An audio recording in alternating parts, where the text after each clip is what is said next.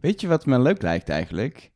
Is dat we vorig jaar, zoals die kandidaten de finale gingen kijken zo, in zo'n clubje, dat we dat gewoon doen met het luisteraars.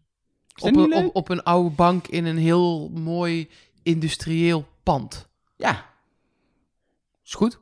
Ja, dat kunnen we toch best doen? ja. Ik heb, vind dus, dat ik, heb dus best be- een leuk idee, ik ja. heb dus wat dat betreft berekend dat ik, als alles goed gaat, we voor het eerst, sinds we deze podcast maken, bij de Nederlandse finale in Nederland ben ook.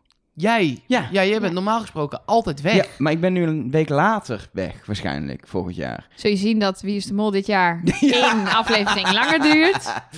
Omdat ze de mol nog niet hebben gekozen of zo. Ja, of omdat ze een of andere twintigste seizoenstruc uithalen.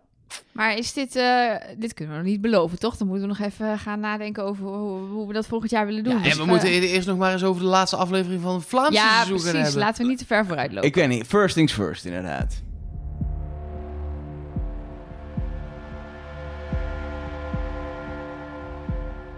Hallo en welkom bij Trust Nobody, de podcast over de mol met Nelleke Poorthuis. Met Mark Versteden. En Elge van der Wel. Hebben we wat berichtjes gekregen dat mensen het heel verwarrend vinden om ons uit elkaar te houden, Nou, eh, het is dat- Mark? Vooral ook door het voorstellen van elkaar. Ja, dat appje van Niels, was het Niels? Ja, toch? Vorige aflevering, dat hij zei dat hij al die tijd Elger en Mark door elkaar haalde. Toen kwamen er allemaal reacties op dat er dus blijkbaar meer mensen dat hebben gedaan. Die keken op onze Instagram en dachten, wat? Waarom komt de stem van Mark uit Elger? En andersom.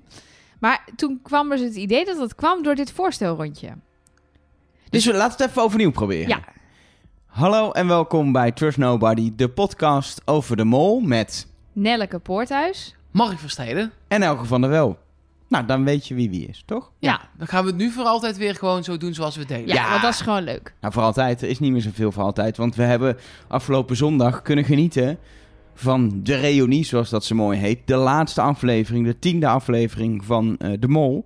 En het zit erop. Het is Ja, voorbij. Het is zeker. gedaan. Nog maar eens benadrukken dat deze manier toch wel echt fijn is. Omdat je niet die eerste 25 minuten van het programma dan bezig bent met de spanningsopbouw naar wie het is. Dat je dat gewoon al weet. En dat je nu een uur en 10 minuten lang gewoon bezig kunt zijn met...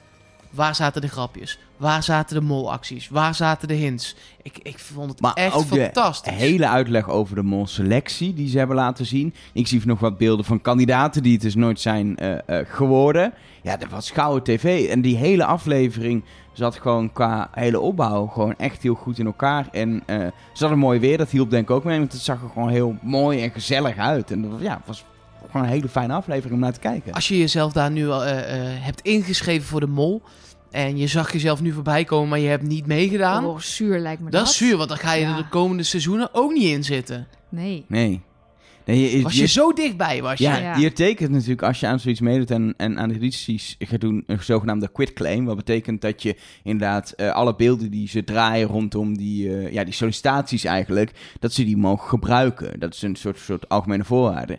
Maar ik, ik, ik, ik denk toch dat je toch wel denkt, oh, ik zit opeens in een tv-programma. Oh, oh, die beeld, oh, oh, wat, oh. Vooral die paar mensen die bij die laatste 30 zaten. Ja. Oh, maar dat lijkt me sowieso. Dan ben je daar uitgekozen, dan kom je daar naartoe. Die mensen hebben dus allemaal ook de opdracht gekregen om te gaan jong leren.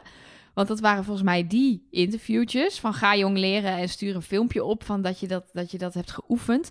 Dan, nou, dan denk je, dit, dit moet gewoon gaan lukken. En dan lukt het niet. Nee, En dan kijk je volgens een tv en dan, volgens mij denk je, denk je gewoon wekenlang, denk je, daar had ik ook bij kunnen zijn. Oh, daar had ik ook bij kunnen zijn. Oh, ik had ook dat kunnen doen. Het ik had in een tunnel kunnen liggen. Oh. ik denk dat dit soort castings wel gedaan worden in categorieën.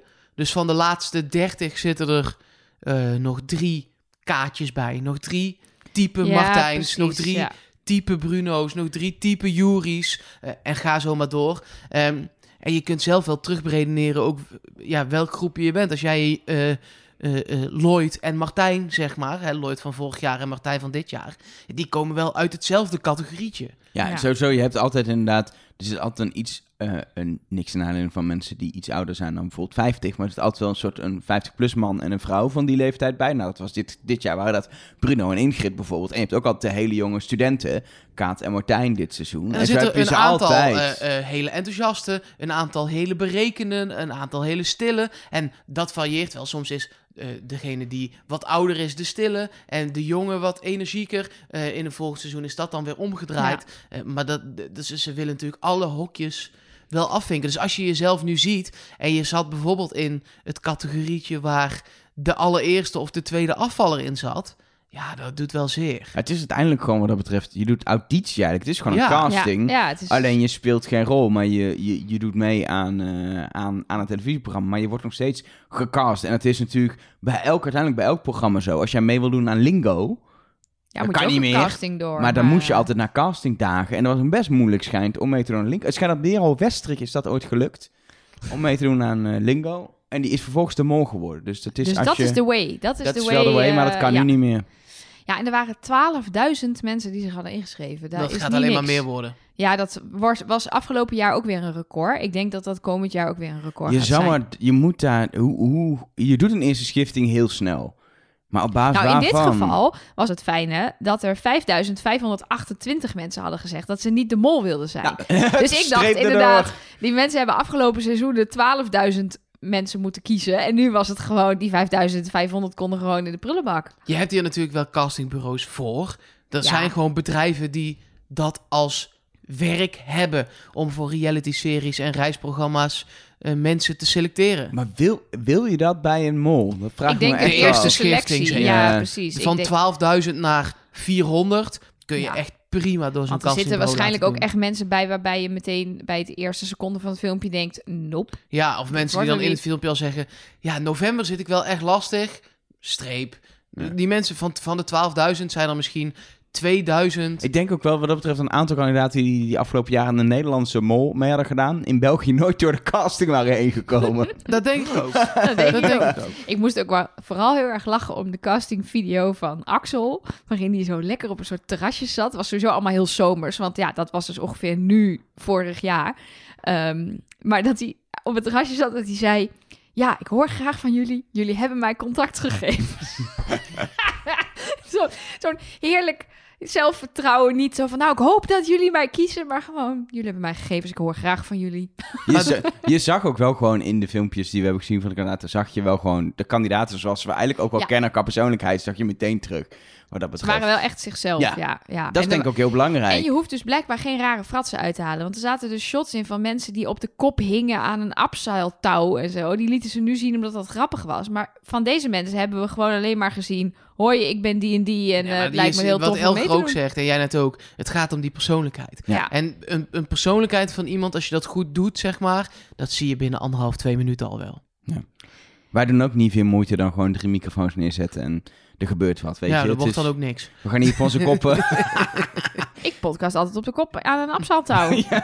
nooit, nooit gemerkt? ik vind het een leuke uitdaging voor volgend seizoen. Oh, nee, gaan we Ehm, niet doen. laten we gewoon de aflevering, eh, ook al is er niks verder meer te zoeken. eh eh we hadden vorige week trouwens ook al niet. Weer chronologisch gewoon doorlopen en wel even Ja, bij het waren we begin. aan het doen? We waren castingvideo's aan Nee het maar, behandelen. nee, maar dat is niet het begin. Nee, Ja. er staat nog iets heel belangrijks voor. vooruit. Er zat namelijk voor dat iedereen bij elkaar aankwam, eigenlijk behalve de drie, eh, de drie finalisten. En dat we ook hoorden wie wie verdacht. Ja, En wie dan- nu zei, wie helemaal vlak voor de finale zei, dit is de mol. En dan zie je dat zelfs bij de kandidatengroep nog echt een verdeling was. En zelfs dat, eh, dat bijvoorbeeld een, een, een Bruno en een Eva, die toch best wel lang in hebben gezeten, dat die toch gewoon nog steeds verkeerd zaten. Want Bruno zat op Axel of dan misschien Bas. Ja, hij koos uiteindelijk voor Bas, want hij ging Axel ging die pijn doen eh, als Ja, eh, ja. Axel het was. Maar En, en, en Eva ging ook voor Bas. Ehm, ehm, terwijl eh, het Martijn, Kaat en Jury waren die, eh, die het goed hadden. Maar dat vind ik toch ook wel knap. Dat dan die kandidaten waren daar. Die hebben daarna thuis gekeken. Kijk, zo iemand als Lisbeth, die heeft niet heel veel meer informatie dan wij. Ja, natuurlijk, ze heeft iedereen ontmoet. Dat is natuurlijk al wel anders. Maar vond ik nog wel leuk om te zien, ja.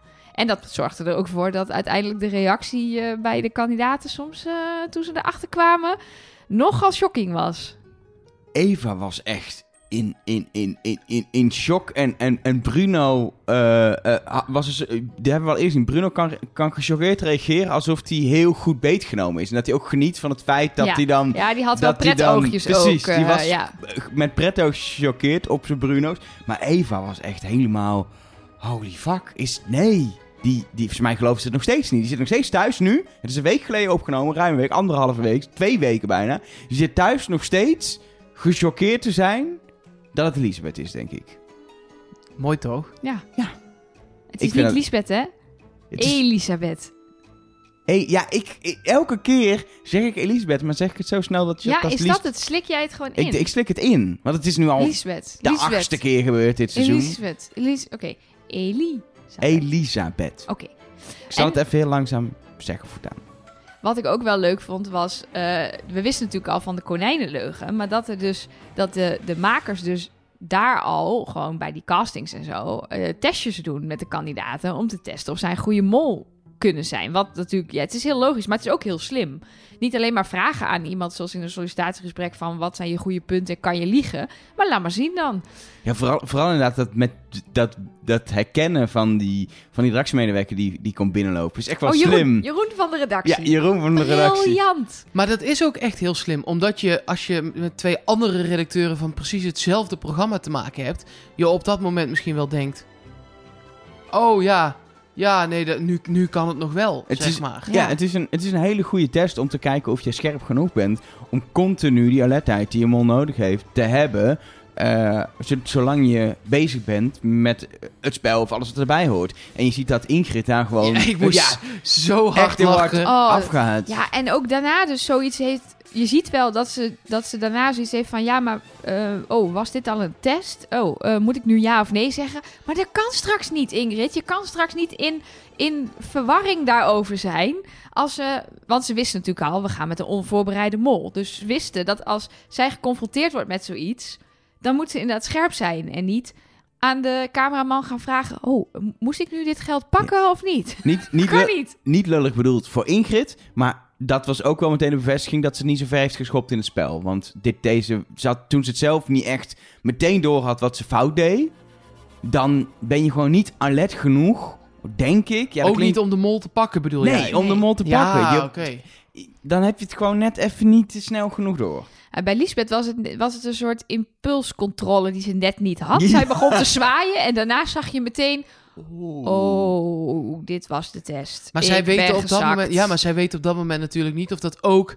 Kijk, zij wist nu achteraf dat dat effect heeft op het molschap. Maar Ja, misschien heeft dat, dat ook daar- wel effect op het feit of je überhaupt, Überhaupt nog mee- mee Oh ja, mag. ja, precies. Dat ze misschien wel helemaal dacht, ik mag niet meer mee. Nee, ja, deze- de- ja, maar in principe waren deze gesprekken wel op het punt dat er nog dat Ja, de laatste tien over dat waren. zal, hè? maar het is de mol. Als jij tijdens dat gesprek compleet verpest, gaan zij gewoon iemand anders pakken hoor.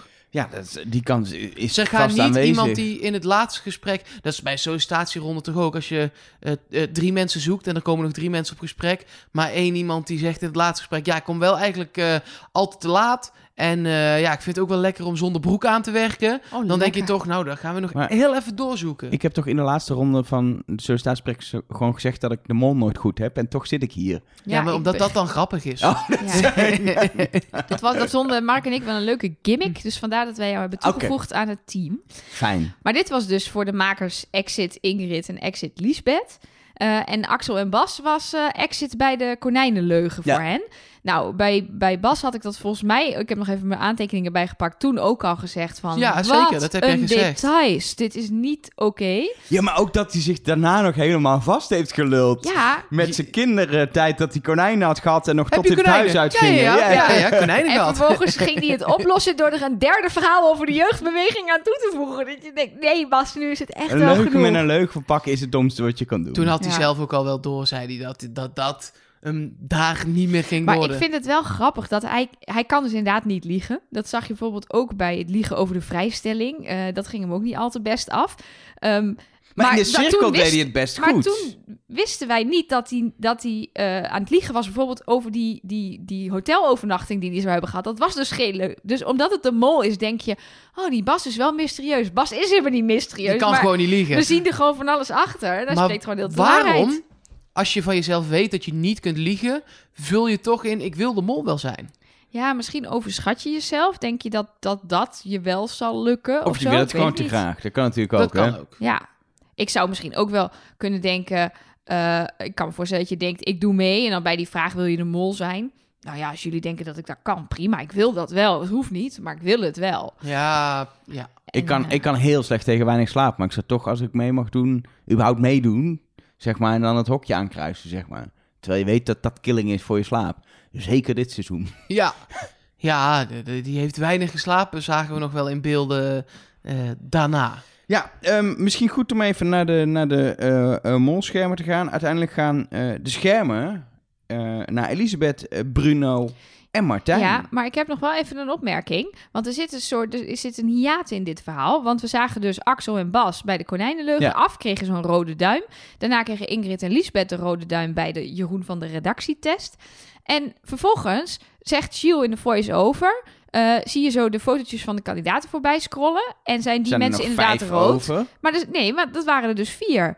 Dus Jury is daar ook rood gemaakt. Maar we hebben nooit gezien waarop Jury's, Jury een rode duim heeft Jawel, verdiend. jawel. Eh, hebben we dat niet gezien? Ik, kon, ik heb het twee keer gezien, gekeken, maar Dat was is mij ook niet het- opgevallen. Dat was ook het gesprekje waar ook de konijnen en zo in zaten, volgens mij. Ja? Daar werd Jury ook weg. eh Nou ja, werd het, wat geval, weggezet, hoor. het zal in ieder geval iets zijn geweest. Want vervolgens zegt Chiel dat ze dus in Elisabeth, Eva, Kaat, Martijn en Bruno goede kandidaten zien voor de mol. Maar ik ben dan wel benieuwd waarom dan dus Nou, Kaat en Eva niet een machinescherm kregen. Want dat waren Martijn en Bruno. ja, terwijl, terwijl eh, Kaat en, eh, en Eva degene waren die ik dacht dat, het, eh, dat de andere Ja. twee schermen En hadden. Kaat dachten wij allemaal, Ja. alle drie. Maar ook de mensen daar. Al die mensen aan tafel zeiden, nou nee, maar Kaat, jij hebt wel, jij hebt toch wel een schermpje gekregen. Ze was er ook heel dichtbij, blijkt dus. Ja, maar, niet. eh, Ik En had jij- Martijn goed. Mag had- ik dat nog ja, wel even precies. eh, claimen? Jij had als enige van ons iets goed in, deze, in dit, zeg maar, eh, verhaal. Ik Ja. vind het ook nog steeds... eh, eh, eh, we, we zagen allemaal dat hij het ook in de cirkel eh, compleet heeft verpest. Ja. Ja. Eh, maar ik had al wel zo'n idee dat hij het op voorhand, zonder de stress van 20 priemende ogen, nog best wel oké zou doen. Ja. Ja, hij zat daar bij die, bij die sollicitaties best lekker in, volgens mij. Ik vond wel, hij had ook wel bij de konijnenleugen... was het dat hij zijn, eh, zijn eh, litteken niet kon vinden. Dat hij een, hij was gebeten door een konijn en toen niet meer wist op welke arm dat litteken stond. Kun je dat nog herinneren? Daarvan dacht ik toen, hmm, Ik Martijn... vind het dus heel gek, maar ik heb dat ook. Ik heb, en dat weet ik dus niet, of hier, of hier, een Ja, litteken... Mark wijst nu op zijn voorhoofd. Dat kan je ook niet zelf aan zien. de Dat maakt het linkerkant. niet handig. nee, hè? dat is waar. maar erg, ik ben tegen eh, vroeger, toen ik heel klein was, tegen een muur aangelopen. En volgens mij is het hier, aan, de, aan mijn rechterkant. Maar ik weet dat ook nooit zeker. Moet Oh ik ja. echt goed Ja, voelen voordat ik, er, Oké, voordat ik erachter kom. Maar hij eh, verschoot helemaal toen hij dat scherm te zien Ja, kreeg. Hij toen wist niet klaar. meer eh, waar hij het moest zoeken. Ik vond het dus wel heel grappig dat het effect van hoe je daarnaar kijkt en wat het met je doet, dat je weet wat mensen krijgen, maar ook dat je alleen deze drie mensen ziet en dus ook eh, de verdere ja, verwatering van andere mensen Alle niet ziet. afleiding. Eh, ja. Dat het echt een heel ander effect heeft hoe je naar kijkt. En als je het inderdaad veel meer eh, ziet bij Martijn, bijvoorbeeld, dan dat je hem in het rondje ziet van 10. Dan, omdat er ook bij andere mensen het niet zo heel goed doen. En weet je, dan is het echt wel anders. Nu was het gewoon, oh ja, dan snap ik dat je daar meteen een kruis doorheen zet als het, als het zo gaat. Maar omdat je eerst die info eigenlijk niet hebt en 10 kandidaat ziet, had ik het toen veel minder. Ja, klopt. Wat natuurlijk ook toen anders geknipt is dan dat Ja. we het nu hebben gezien. En wat ik ook nog echt heel slim vond, eh, toen ik er nog een keer over ging nadenken, is dat ze wel eerst die bungee jump opdracht hebben gedaan. Zonder mol. Ja. Omdat je dan in de cirkel echt kunt kijken wie er zichzelf blijft. Ja. Als, als je meteen met die cirkel was begonnen, was er misschien wel een hele andere uitkomst geweest. Ja, want nu zag je dat eh, Martijn eh, echt anders werd en, en, en raar ging doen en een beetje rood werd en Ja. zo. En dat juist Elisabeth heel erg zichzelf bleef en cool En- bleef. En, En, eh, in een split second, ongeveer split second, misschien iets langer hoor, maar heeft bedacht, ik ga doen alsof ik teleurgesteld. ben. teleurgesteld ben omdat ik het niet ben. En Ja. die, dat je die, die switch in je hoofd kan maken en hem ook nog goed uitvoert, is natuurlijk inderdaad eh, eh, iets wat beloond mag worden met jij bent geschikt om, om dat molschap op je Ja, te maar nemen. ik echt ook, dat realiseerde ik me eigenlijk nu pas bij dit terugzien. Zoveel respect voor iemand die zo cool kan blijven. Op het moment dat je dit hoort, ook het gesprek met Jules, waarbij anderen jou dus kunnen zien. Jij zit daar op een stoel en, en, en je krijgt dit te horen. Jij bent de mol van dit jaar. En ze blijft helemaal cool. Ze knikt, ze denkt, nou, leuk. Of ze is van binnen totaal in paniek, weet ik niet. Kon je niks aan afzien. Je krijgt alleen maar te horen: vanavond komen we bij je om je verder te brieven en je mag nu terug naar de groep. Nou, respect dat je daar dan gewoon zo rustig wegloopt. En ik denk dat dat ook is geweest, deels, de, de, de shots op de rode bank, is ook een beetje zoiets. Eh, ook al waan je je daar alleen, je zag daar ook dat, dat zelfs mensen die niet mee hebben gedaan, begonnen mensen zelfs te huilen eh, toen ze lazen dat ze overwogen werden om de mol te zijn. Ja, als je dat, als je dat jouw eerste reactie is, dan moet je Daar misschien hebben wij niet het de toen mol over zijn. gehad. Hè. Toen zei ik nog dat ik dat juichen. Ja, dat vond jij toen niet goed. Dat vond ik toen was niet Liesbeth goed. inderdaad die toen echt ging juichen. Ja, toen zei jij volgens mij nog dat, dat dat niet zoveel uit zou maken. Maar als dit het vervolg is. Ja, En Elisabeth bleef daar ook heel cool. Die stopte toen de brief weer terug in de tas. Ging strak voor zich uit zitten kijken. Pakte hem toen nog een keer om blijkbaar nog iets te lezen. En toen kwam er iemand binnen en toen moffelde ze hem ook nog precies op tijd. Weer netjes terug in de handtas.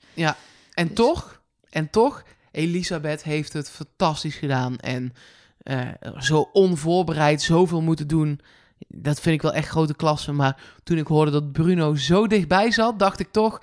Ik had het toch ook Bruno wel gegund. oh ja, zeker. Ja, hij eh, baalde behoorlijk. Ja, en ik had het hem ook nog wel gewoon, naast dat ik het hem gegund had, ook graag willen zien doen. Want het was vol- volgens mij een wat oudere mol hebben we nog niet zo vaak Ja, gehad. Nog Maar geen één keer. Vooral, en dat, dat, dat klinkt stom, maar ik denk dat we zeker nu met, met, eh, met de reunie heel veel leuke beelden kunnen zien van Bruno die intens zou genoten hebben van bepaalde acties. Als, als je ziet hoe Bruno nu al kon genieten van sommige opdrachten, dat oprechte, die, die kinderlijke jongensachtige pretoogjes, En van die andermans die als, acties. als Ja. mol nog duizend keer meer hebben Ja, gehad. zeker. Ik denk echt dat het, eh, dat het hem... eh, ik, ja, het is hem gegund, zeg maar. Maar eh, eh, het is niet zo gegaan. En Elisabeth eh, is het geworden. En terecht dat Elisabeth het is geworden. En, En ik denk en wel dat Bruno de favoriet was van de redactie voordat ze begonnen waren, toch? Want we weten dat, dat ze dacht, ze hadden hun, hun oog op iemand anders. En toen is het in die kring, heeft Elisabeth zo goed gepresteerd dat het iemand anders is geworden. Ik denk Dan ook dat denk dat ik wel dat het Bruno was. Ja. Ja. Misschien goed om door te gaan naar de, naar de eerste briefing. Je had het er al over, want Elisabeth kwam gewoon terug naar de groep. En er zou s'nachts eh iemand, eh, iemand bijkomen. Dat werd eh, vrij laat. Omdat, dat hebben we niet in de uitzending gezien, maar eh, iedereen moest eerst naar bed zijn. En dat duurde blijkbaar nogal lang voordat iedereen uit het hotelbouw wa- was. Eerste avond, dus eh, iedereen nog even pintjes drinken. Ja, dat zei Elisabeth in de, in de, de extra podcast die we voor eh, patrons hebben gemaakt. Dus dat we, vond ik wel mooi inderdaad, dat zij maar zat te wachten en nog steeds af en toe zo om het hoekje keek om te kijken of iedereen nog bier zat te drinken. En dat was dan steeds zo. Ja. en dan moest ze ook nog de douche aanzetten en al dat kostbare water verspillen. Om, eh, zodat de buurman de briefing niet hoorde. Het is wel slim. Ik zie dat ook altijd in, eh, in films, spionagefilms en zo. En van die, eh, weet je wel, CIA-dingen. Zodat ze dan op zo'n hotelkamer de kranen allemaal openzetten. En dan het geheime overleg doen. Omdat het dan ook met de richtmicrofoons en zo niet af te luisteren is. Nou, werkt op zich wel dat je daardoor een beetje geluid wat ver creëert. gaan eigenlijk, als ik Ja, heel eerlijk ben. Maar je bent zo gespannen en het hotel was blijkbaar zo gehoord. Het zal daar maar misgaan, hè? De eerste avond, de eerste Ja. briefing. Bruno komt die kamer inlopen. Hé, hey, wat horen jullie nou tegen elkaar zeggen? Oh, oh nou, ik weet wie de mol is. ja, dat is ook wel weer zo. dat is Er hangt wel wat vanaf. Daar hangt, ja, hangt nee. wat vanaf, ja. Ja. We hebben in ieder geval daar eh, gezien dat ze de, de, de briefing kreeg, de opdracht kreeg van je moet zo laat mogelijk eh, eh, koken. Ehm, en ehm, dat je eh, bij torensbouwen dan namelijk heel lang kan meedoen. En daardoor heel veel invloed hebt op welke stukjes recept je nou uitspeelt. Waardoor het best wat goed kan gaan. Maar je gewoon de verkeerde stukjes recept hebt waardoor het niet meer lukt. Ehm, en uiteindelijk hebben we natuurlijk gezien dat ze torens heeft omgegooid. Dat ze echt het blokje bij Bruno gewoon liet doorrollen. Oh, daar gaat een blokje. Nee, was naar Yuri. Of jij naar Ja, ja. inderdaad. Oh, daar gaat een blokje. Oh, die laat ik even lekker door. door. Maar Ik vind het wel mooi ze om te weten- pakken en dan weer terugtrekken. Ja. Ja, maar ik weet gewoon dat die momenten, ik weet nog precies dat we het daar in de podcast Ja, over hebben gehad. En dat we toen zeiden, nee, maar dat is een reactie. Want als je daar je hand naartoe duwt, dan stoot je misschien met je hele hand wel de toren Ja. om. Ja. En nu Het blijkt gewoon dat zij dat in gewoon beeld terecht geweest. doet. We hebben het, we hebben het We gewoon hebben het gezien. Ja. En ook het scheutje hebben we natuurlijk gewoon eh Elisabeth Sint Nou van ja, de en we verkeerde dipsaus. ja, precies. En we hebben bijvoorbeeld wel geanalyseerd dat als je als laatste kookt, dat je natuurlijk het meeste effect hebt op het recept. Want hoe, hoe presenteer je het uiteindelijk? Daar kan je dingen doen. Maar we hebben nooit, tenminste volgens mij hebben we dat niet gezegd, doorgedacht dat je daardoor ook de meeste invloed hebt in welke torens je Nee. bouwt en welke onderdelen van het receptje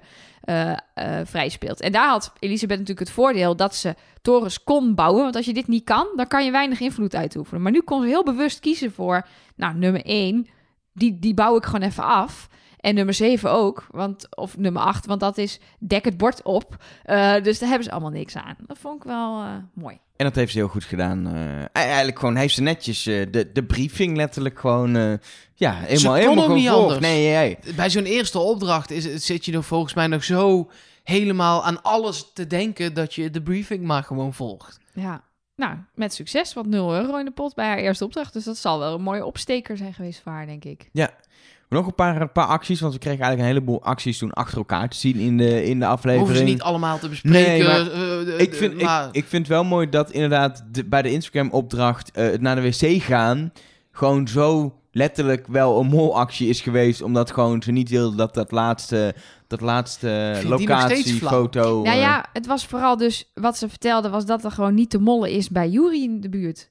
Die was gewoon te goede kandidaat. Maar ik vind dan ook, dan moet je je verlies maar nemen.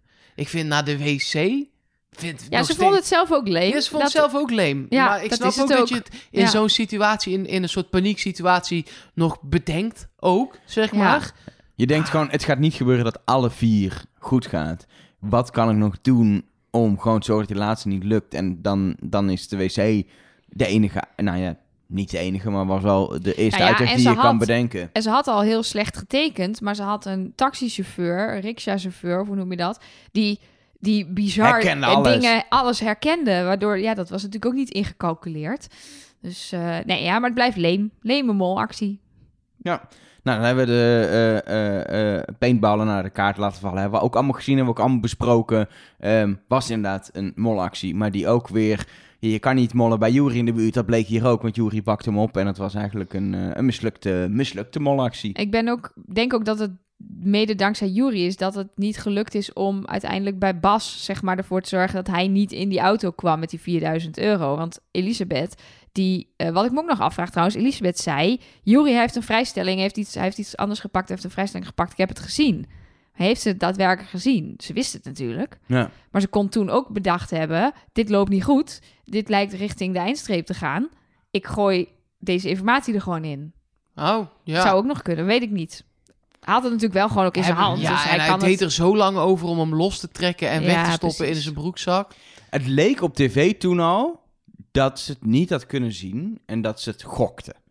Als vanuit de kandidaat. Ja. Dat had ik toen het idee. Maar het kan dus inderdaad zijn dat ze het niet gezien en geweten heeft en gewoon heeft gezegd. Ja, Want voor mij was het niet te zien. Ja, Ja, maar je weet dat niet. nee. Je weet niet hoe ze hebben gelopen in die 50 meter die niet in beeld zijn. Nee. Dat vind ik al heel lastig te, te bepalen. Maar dat is altijd, want het is Ja, altijd een nee, montage. Het is altijd een montage. En wat dat betreft hebben we veel gezien. Maar wat we niet hebben gezien in de montage is hoe ze bij het slapen met de dieren het kussen op de grond heeft gegooid om nog even die slang wakker te Ja, maken. Ja, in deze aflevering zagen Ja. we het wel. ja, ja, maar ja, nee, ja, maar- destijds ja, niet. nee, precies. Nee, en ze vertelde ons dat ze nog wel meer dingen heeft gedaan om die slang eh, eh, wakker te krijgen. Maar het was een erg luie slang. Haar, haar doel bij die opdracht was om ervoor te zorgen dat Ingrid op de grond terecht kwam. Nou, dat is gelukt, want ze wist, ze wist die gaat dat nooit volhouden. Ehm, en uiteindelijk dat eh, Martijn zo bang werd dat hij het af zou blazen. Maar ja, dat is niet gelukt, want eh, Ik snap ook dat zij het zelf niet wilde doen voor, vijf, voor die 500 euro. ja. Maak je jezelf daar op dat moment al meteen verdacht. Want het was gewoon aflevering 2. Ja, en ze zei ook, ik was heel moe, ik wilde heel graag slapen. Dus dat snap ik ook wel, ja. Anders moest je weer op die slaapzaal met iedereen. Snurkende Axel en al. Ja, Ja. Dus ja, en dan heb je natuurlijk nog die opdracht met dat lopen in die zwakke en die sterke groep. Nou ja, wat al heel duidelijk was, was dat Elisabeth niet zo sterk was en dus met recht in de zwakke groep zat. Eh, dat heeft ze ook wel een beetje aangezet. Maar dat was dus ook na die slapeloze nacht, na de eerste briefing. Dus ze had ook wel reden waarom ze echt mega duizelig was. Maar wat ik heel grappig vond, was die compilatie die erin zat van dat dansen met die stokken. Als je dat zo allemaal achter elkaar ziet, al die mislukte pogingen, dan denk je toch echt...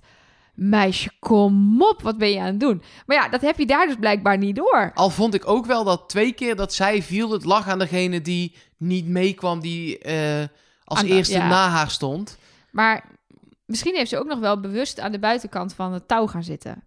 Omdat je daar dan, als Kan je hoor, vertraagt, en, of juist met dat springen. Je weet aan het begin dat je zowel op de zeepwand als eh, bij, dat, eh, bij dat springen over dat touw aan het uiteind een sleutelrol hebt. Ja. Ja. Ja. Ja, en volgens mij heeft Shield ze gewoon vastgemaakt. Dus die heeft dat volgens mij gewoon kunnen doen.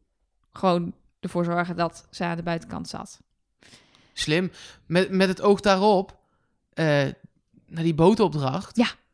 Ik bedoel, ze zat daar in de zwakke groep. Iedereen wist dat ze een beetje al wel zwak was. Eigenlijk de reden dat Axel uiteindelijk eh, is begonnen met Elisabeth te verdenken... is eh, dat zij in de kajuit zat Ja. en niet in het water. ja, terwijl En- de mol mocht bepalen wie er in de kajuit zaten. En eh, je wist dat Elisabeth helemaal niet van water hield, niet kon zwemmen toestanden. Heeft ze daar een fout gemaakt? Ik zat dat namelijk te bedenken thuis. Toen dacht ik, misschien is dit wel best wel een grote fout. En had je jezelf gewoon in dat water moeten jenken. Want iedereen had geloofd, als zij slecht had gezwommen... eh, Ja. die fakkel had laten zinken, nooit meer op had kunnen duiken... want zij kon niet zwemmen. Dat heeft Je hoeft, Axel ze verteld. hoefde in het water natuurlijk maar één van die deelopdrachten te verpesten. En dan was de hele escape Ja, room nooit ik- gelukt. Ik, wat dat betreft, ik heb het in die analyse nog gezegd. Ik, als mol wil je in het water zijn. En het lijkt wel een beetje alsof ze uit soort eigen belang, Je persoonlijk eigen- belang, Ze heeft zichzelf daar gered. ja, in die kajuit heeft gezet. Ja, maar dat heeft haar wel een verdenking gekost. Ja. Ik weet niet precies wat Shield heeft gezegd. Hè? Want hij had wel meteen zijn antwoord klaar over wat zij moest doen in die kajuit. kajuit. Dus misschien heeft hij ook wel gezegd... wil je in de kajuit of op het water als mol... zouden we je aanraden om in de kajuit te gaan? Kan zijn dat dat toch hun idee was, hè? Ja. Maar ik weet het niet. Ja, terwijl ik toch denk, het zijn drie deelopdrachten. Daar kun je, daar kun je klooien. Ehm, Nou, zij had wel ook, zij had, in de kajuit heb je als mol wel met ieder van die drie deelopdrachten te maken. Ja. Het is Dus dus- vanuit die het positie is kan ik het begrijpen. ja. Ja, Ik kan het begrijpen dat je eh, eh, als programmamakers denkt, we moeten de mol eh, in de kajuit hebben, want dan kun je bij alle drie die opdrachten kun je klooien. Ja. En de, de- dat is de grootste kans om geld uit de pot te spelen. Maar qua verdenkingen van mensen in de groep, maar goed, dan geef ik haar de credits dat ze dit in een split second moest beslissen. Kijk, als ze dit van tevoren had geweten, had ze nooit ochtends bij het zwemmen zo vies over het water gedaan. Want Nee. dat was het, zeg maar. Ze was gaan zwemmen, onder andere Bruno en Axel. En daar had ze heel erg eeuw, eeuw, eeuw, ik hou niet van zwemmen gedaan. Maar ze wist natuurlijk niet dat zwemmen een substantieel onderdeel zou worden van die opdracht die zou komen. Want daarover moest ze nog gebriefd worden. Ja, en dat je, of je dan inderdaad slim genoeg bent om in, als zij, als zij, de programmamakers zeggen, in de kajuit heb je de meeste invloed. Om dan te bedenken, nee, ik moet niet in de kajuit. Want ik heb vanochtend tegen Axel gezegd dat ik niet van water hou. Dus ik moet in het water, anders denkt hij dat ik de mol ben.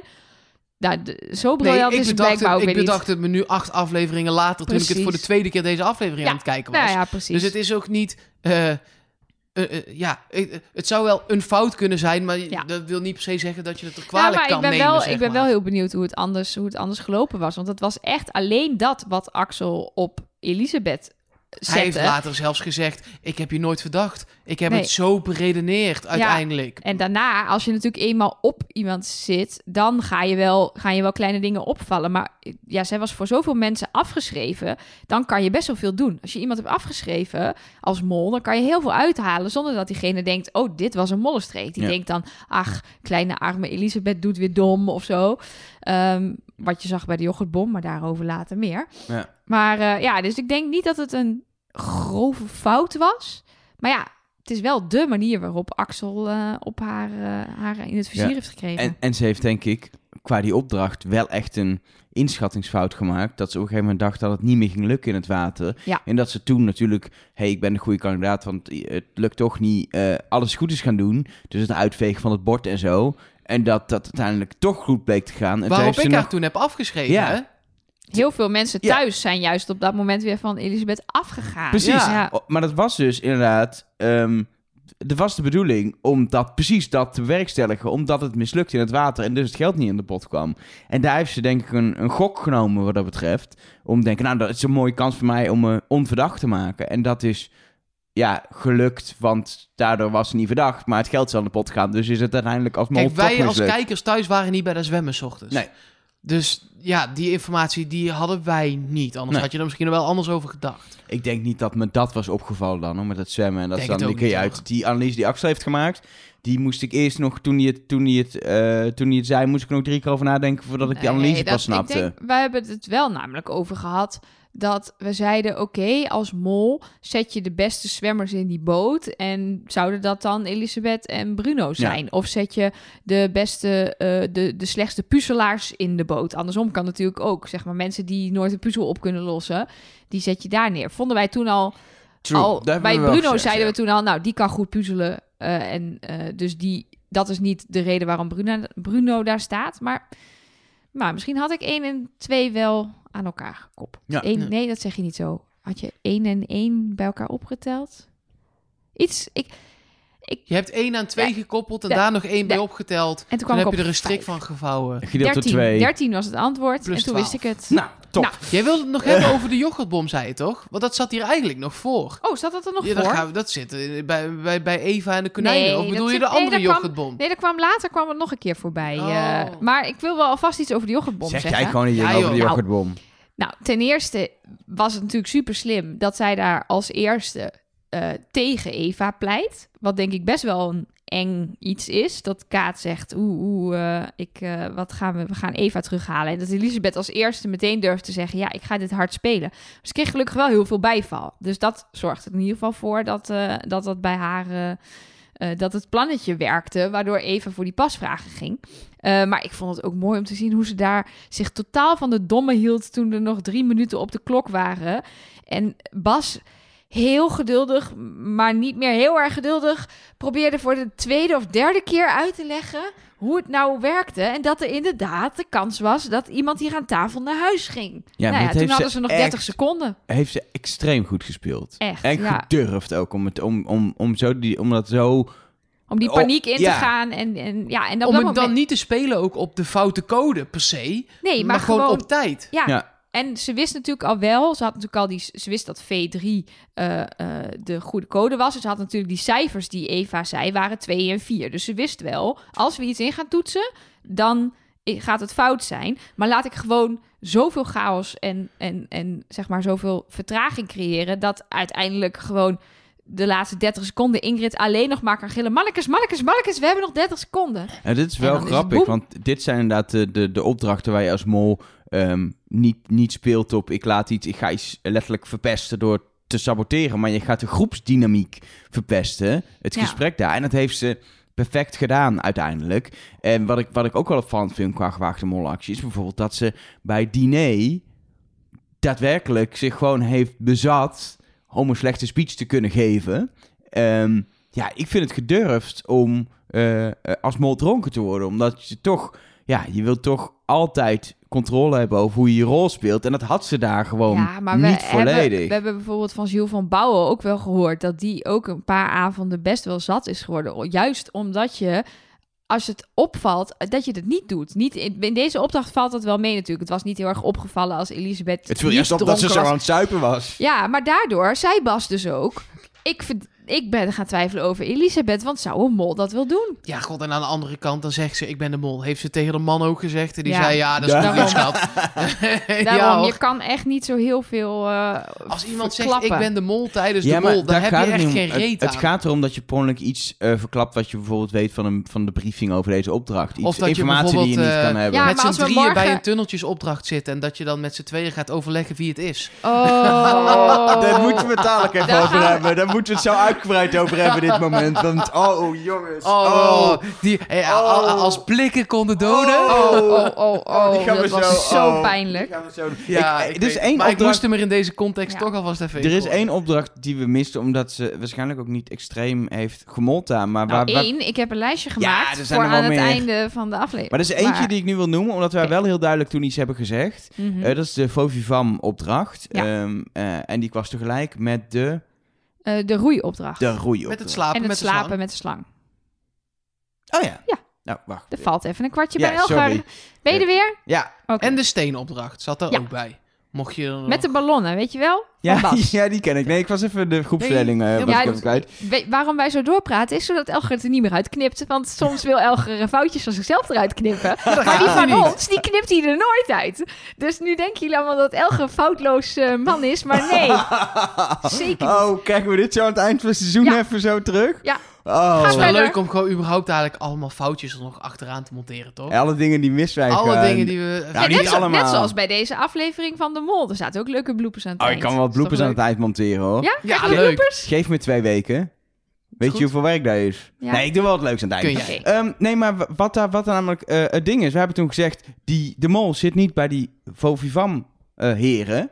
Ehm, nou, die, twee waren er ook al uitgevlogen, maar ook Bas zat, daar, eh, zat daarbij. En het blijkt inderdaad dat wij daar echt wel de goede analyse hebben gemaakt dat de mol aan de zijlijn stond. Dat het ook de positie was waar je ook nog in het gesprekje een beetje invloed kon hebben op eh, welk eh, geldbedrag. eh, want Elisabeth En- heeft zich wel goed in de Ja. discussie gemengd toen. Daarom, want ik heb dat nog teruggekeken. en zij roept op een gegeven moment cashen, cashen, cashen. Zij was de eerste die daarover begon. Precies op dat moment wat wij hadden berekend... waarop het het slimst was om te cashen. Ja. Om de, omdat de verdubbeling dan nog niet echt heel erg aantikte. Dus Nee. dat heeft ze goed gedaan. Ja, nee, dat heeft, ze, dat heeft ze goed gedaan. Dat hebben we nu bijvoorbeeld niet teruggezien. Maar laten we dadelijk inderdaad die hele, die hele lijst nog eh, doen. Ehm, eh, terug naar de aflevering zijn we volgens mij ook weer op het punt dat de mol de kwast in de hand neemt. De En kwast in de had. In de hand? Kwast in de hand. De Nee, kwast dit in de hand. ik wel. Ik versta de hele, hele rare dingen. De kwast, kwast, kwad in de had. Kwad en as. Kwad in Lekker. de hast. Nee, ehm, en een mislukt schilderij maakt en denkt ik doe het de volgende keer nog een keer. En, de volgende keer Nog nog, een keer. En we hebben er maar twee gezien. Nee, nee, nee. Er was een blauwe met strepen van boven naar beneden. Er was een zwarte met een soort rode sterren. eh, felgekleurde rode vlekken. En de uiteindelijke... En dat was, dit was niet eens de eerste versie van de uiteindelijke. Nee. Nee, volgens mij was, waren er zeg maar van de, Nee, de, joh. de stijl die ze nu had gekozen. Was dit al de tweede zeker? Echt? Volgens mij ook. Wauw. Nou. Of in ieder geval... Maar het was in ieder geval de derde. Want ik heb drie verschillende voorbij zien komen. Dus Ja, dus ze moesten hem sowieso twee keer maken, want dan moest één keer door de shredder en dat ze hem nog zelf terug kon krijgen aan het einde. Ja, maar waarom dat ook moest, bedacht ik me later, is omdat ze natuurlijk ook niet een echt schilderij van die Vietnamese kunstenaar daar hadden hangen, maar een reproductie.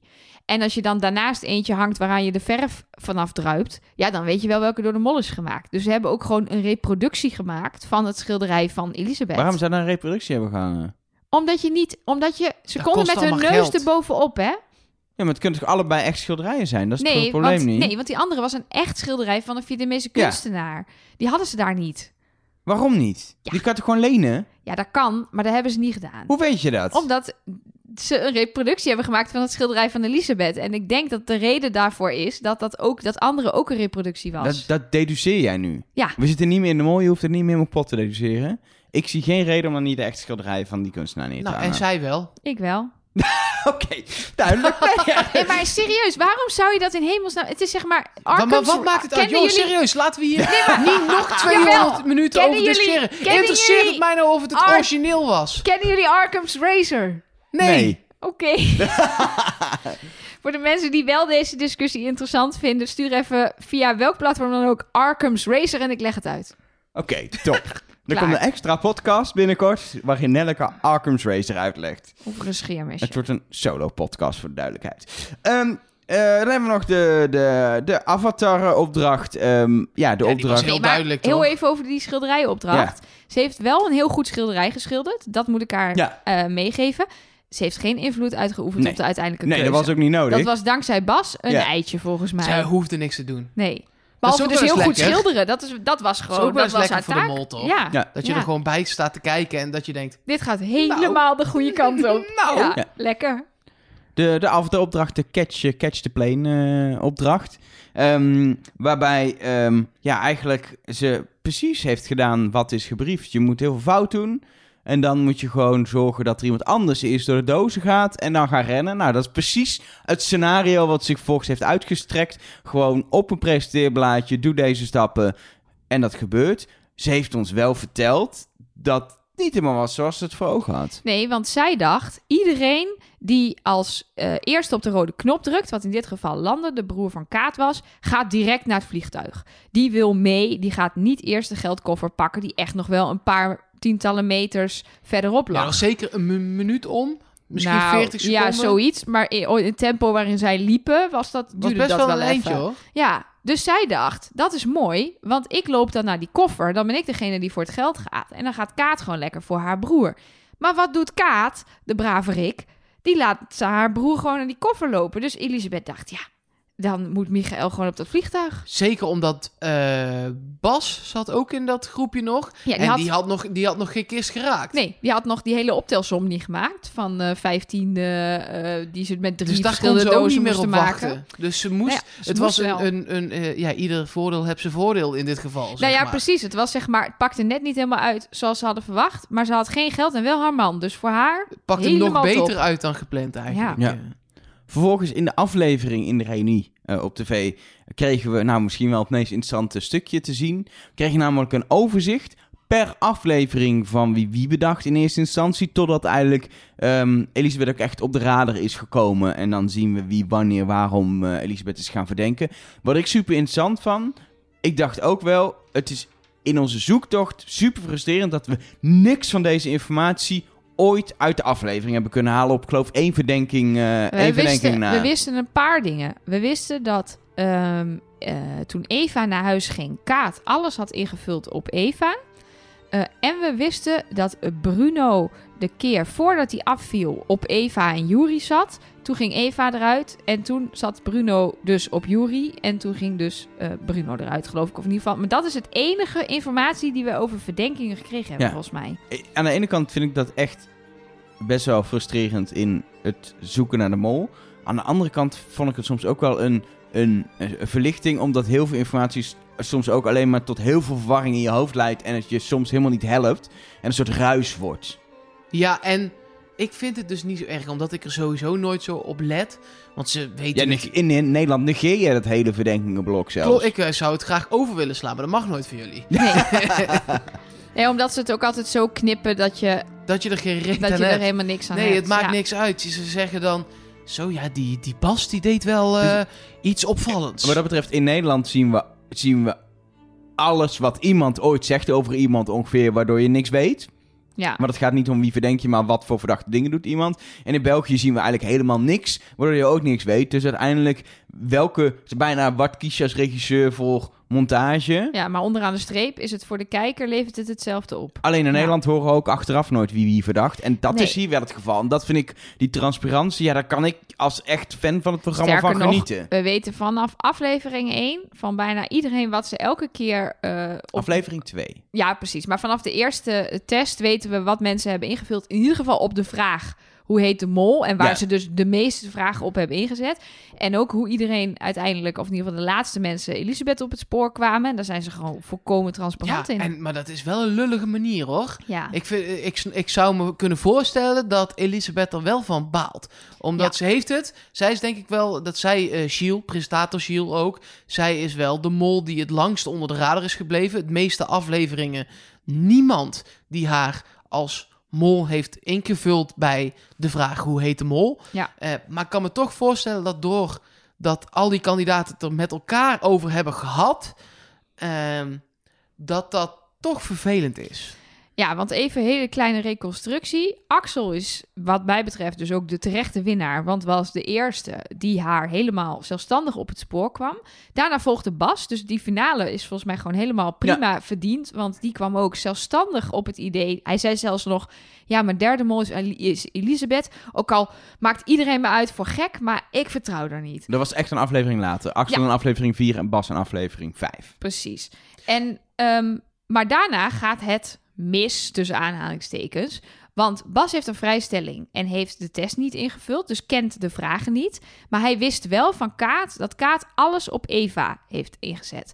Ehm, dat blijkt dus een soort bondje te zijn. Want waarom zou je dat anders aan een andere kandidaat vertellen? Ja. Dat is bondjesinformatie. Zeker. Ja. Dus blijkbaar worden er wel bondjes gesmeden. Alleen, we zien ze niet. Nee. Nou, blijkbaar Heerlijk. was er dus één grote bond. Ja, en vervolgens denkt Bas, ja, ik weet hoe dit, hoe dit werkt. Ik heb een theorie, namelijk, je moet zoeken naar degene die de meeste overeenkomstige antwoorden heeft op die vragen met Eva. Anders had Kater uitgelegen, want die zat 100%, 100% va- op de verkeer. Precies. Dus toen dacht hij, ja, dat kan ik wel zelf bedacht hebben, maar ik heb kaart nodig, want ik moet weten wat die vragen zijn. Nou, toen zijn ze samen tot de conclusie gekomen dat het dan Elisabeth moest zijn. Want ze zitten bij dezelfde opdracht, slapen op dezelfde kamer, hebben dezelfde schoenmaat, eh, zijn allebei vrouw. Vrouw, dat zijn zeg maar...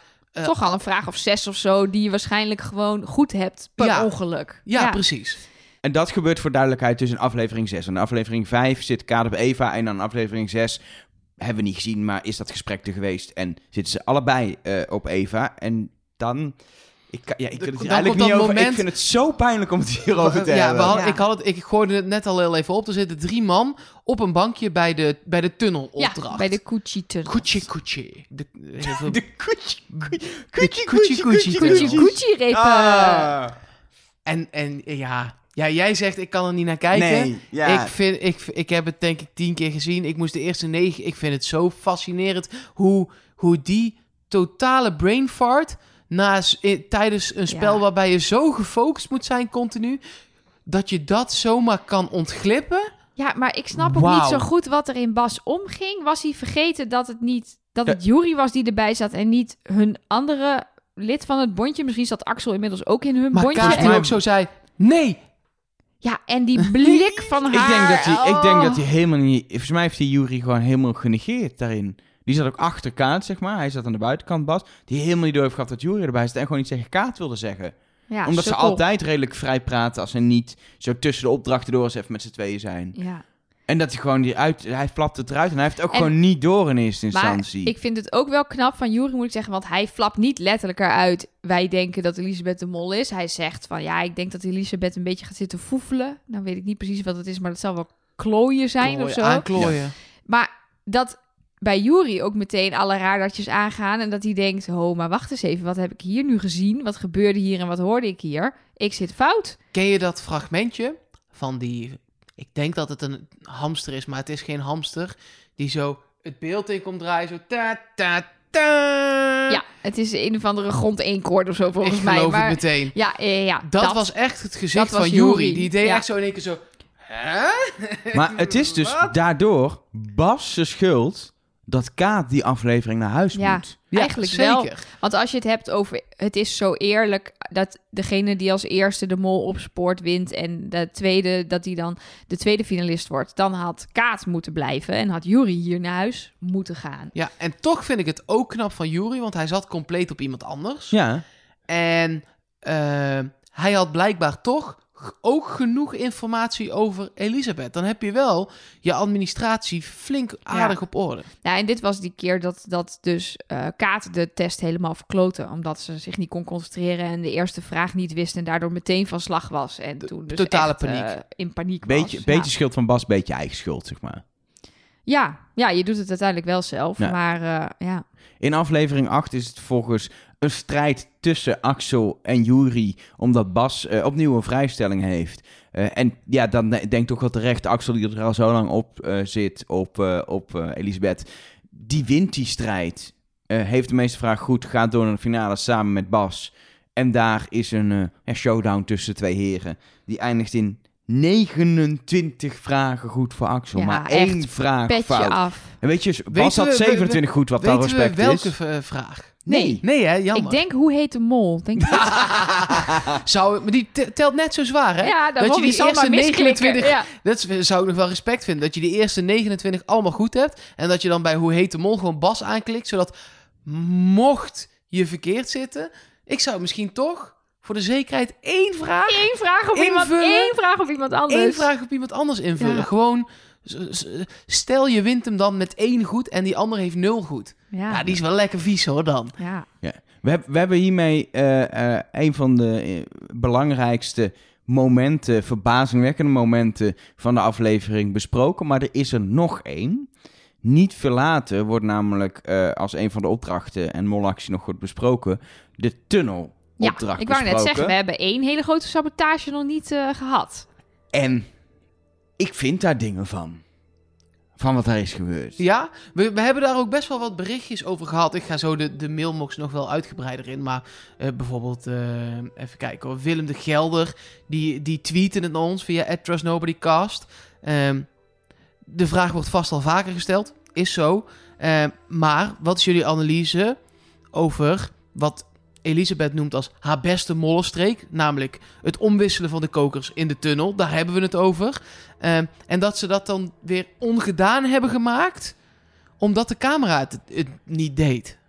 Ik, en ik, ik ben daar heel hard in, ik vind het echt extreem stom dat het blijkbaar allemaal draait om het televisieprogramma wat er op beeld is. Dat blijkbaar zo'n actie die niet in beeld was, dan niet geldig is of niet meer bruikbaar is voor tv en dus wordt teruggedraaid. Ze heeft hem Oh, gewoon maar zo uitgevoerd. heb ik dat niet begrepen. Ik heb begrepen dat ze het spel zo eerlijk mogelijk willen spelen. En dat ze zeggen, ja, wij kunnen als productie dit natuurlijk overal doen. Bij elke opdracht. En omdat Zij- wij niet als je op dit beeld niet kan hebben... laten zien, We hebben niet op beeld dat zij het zelf heeft gedaan.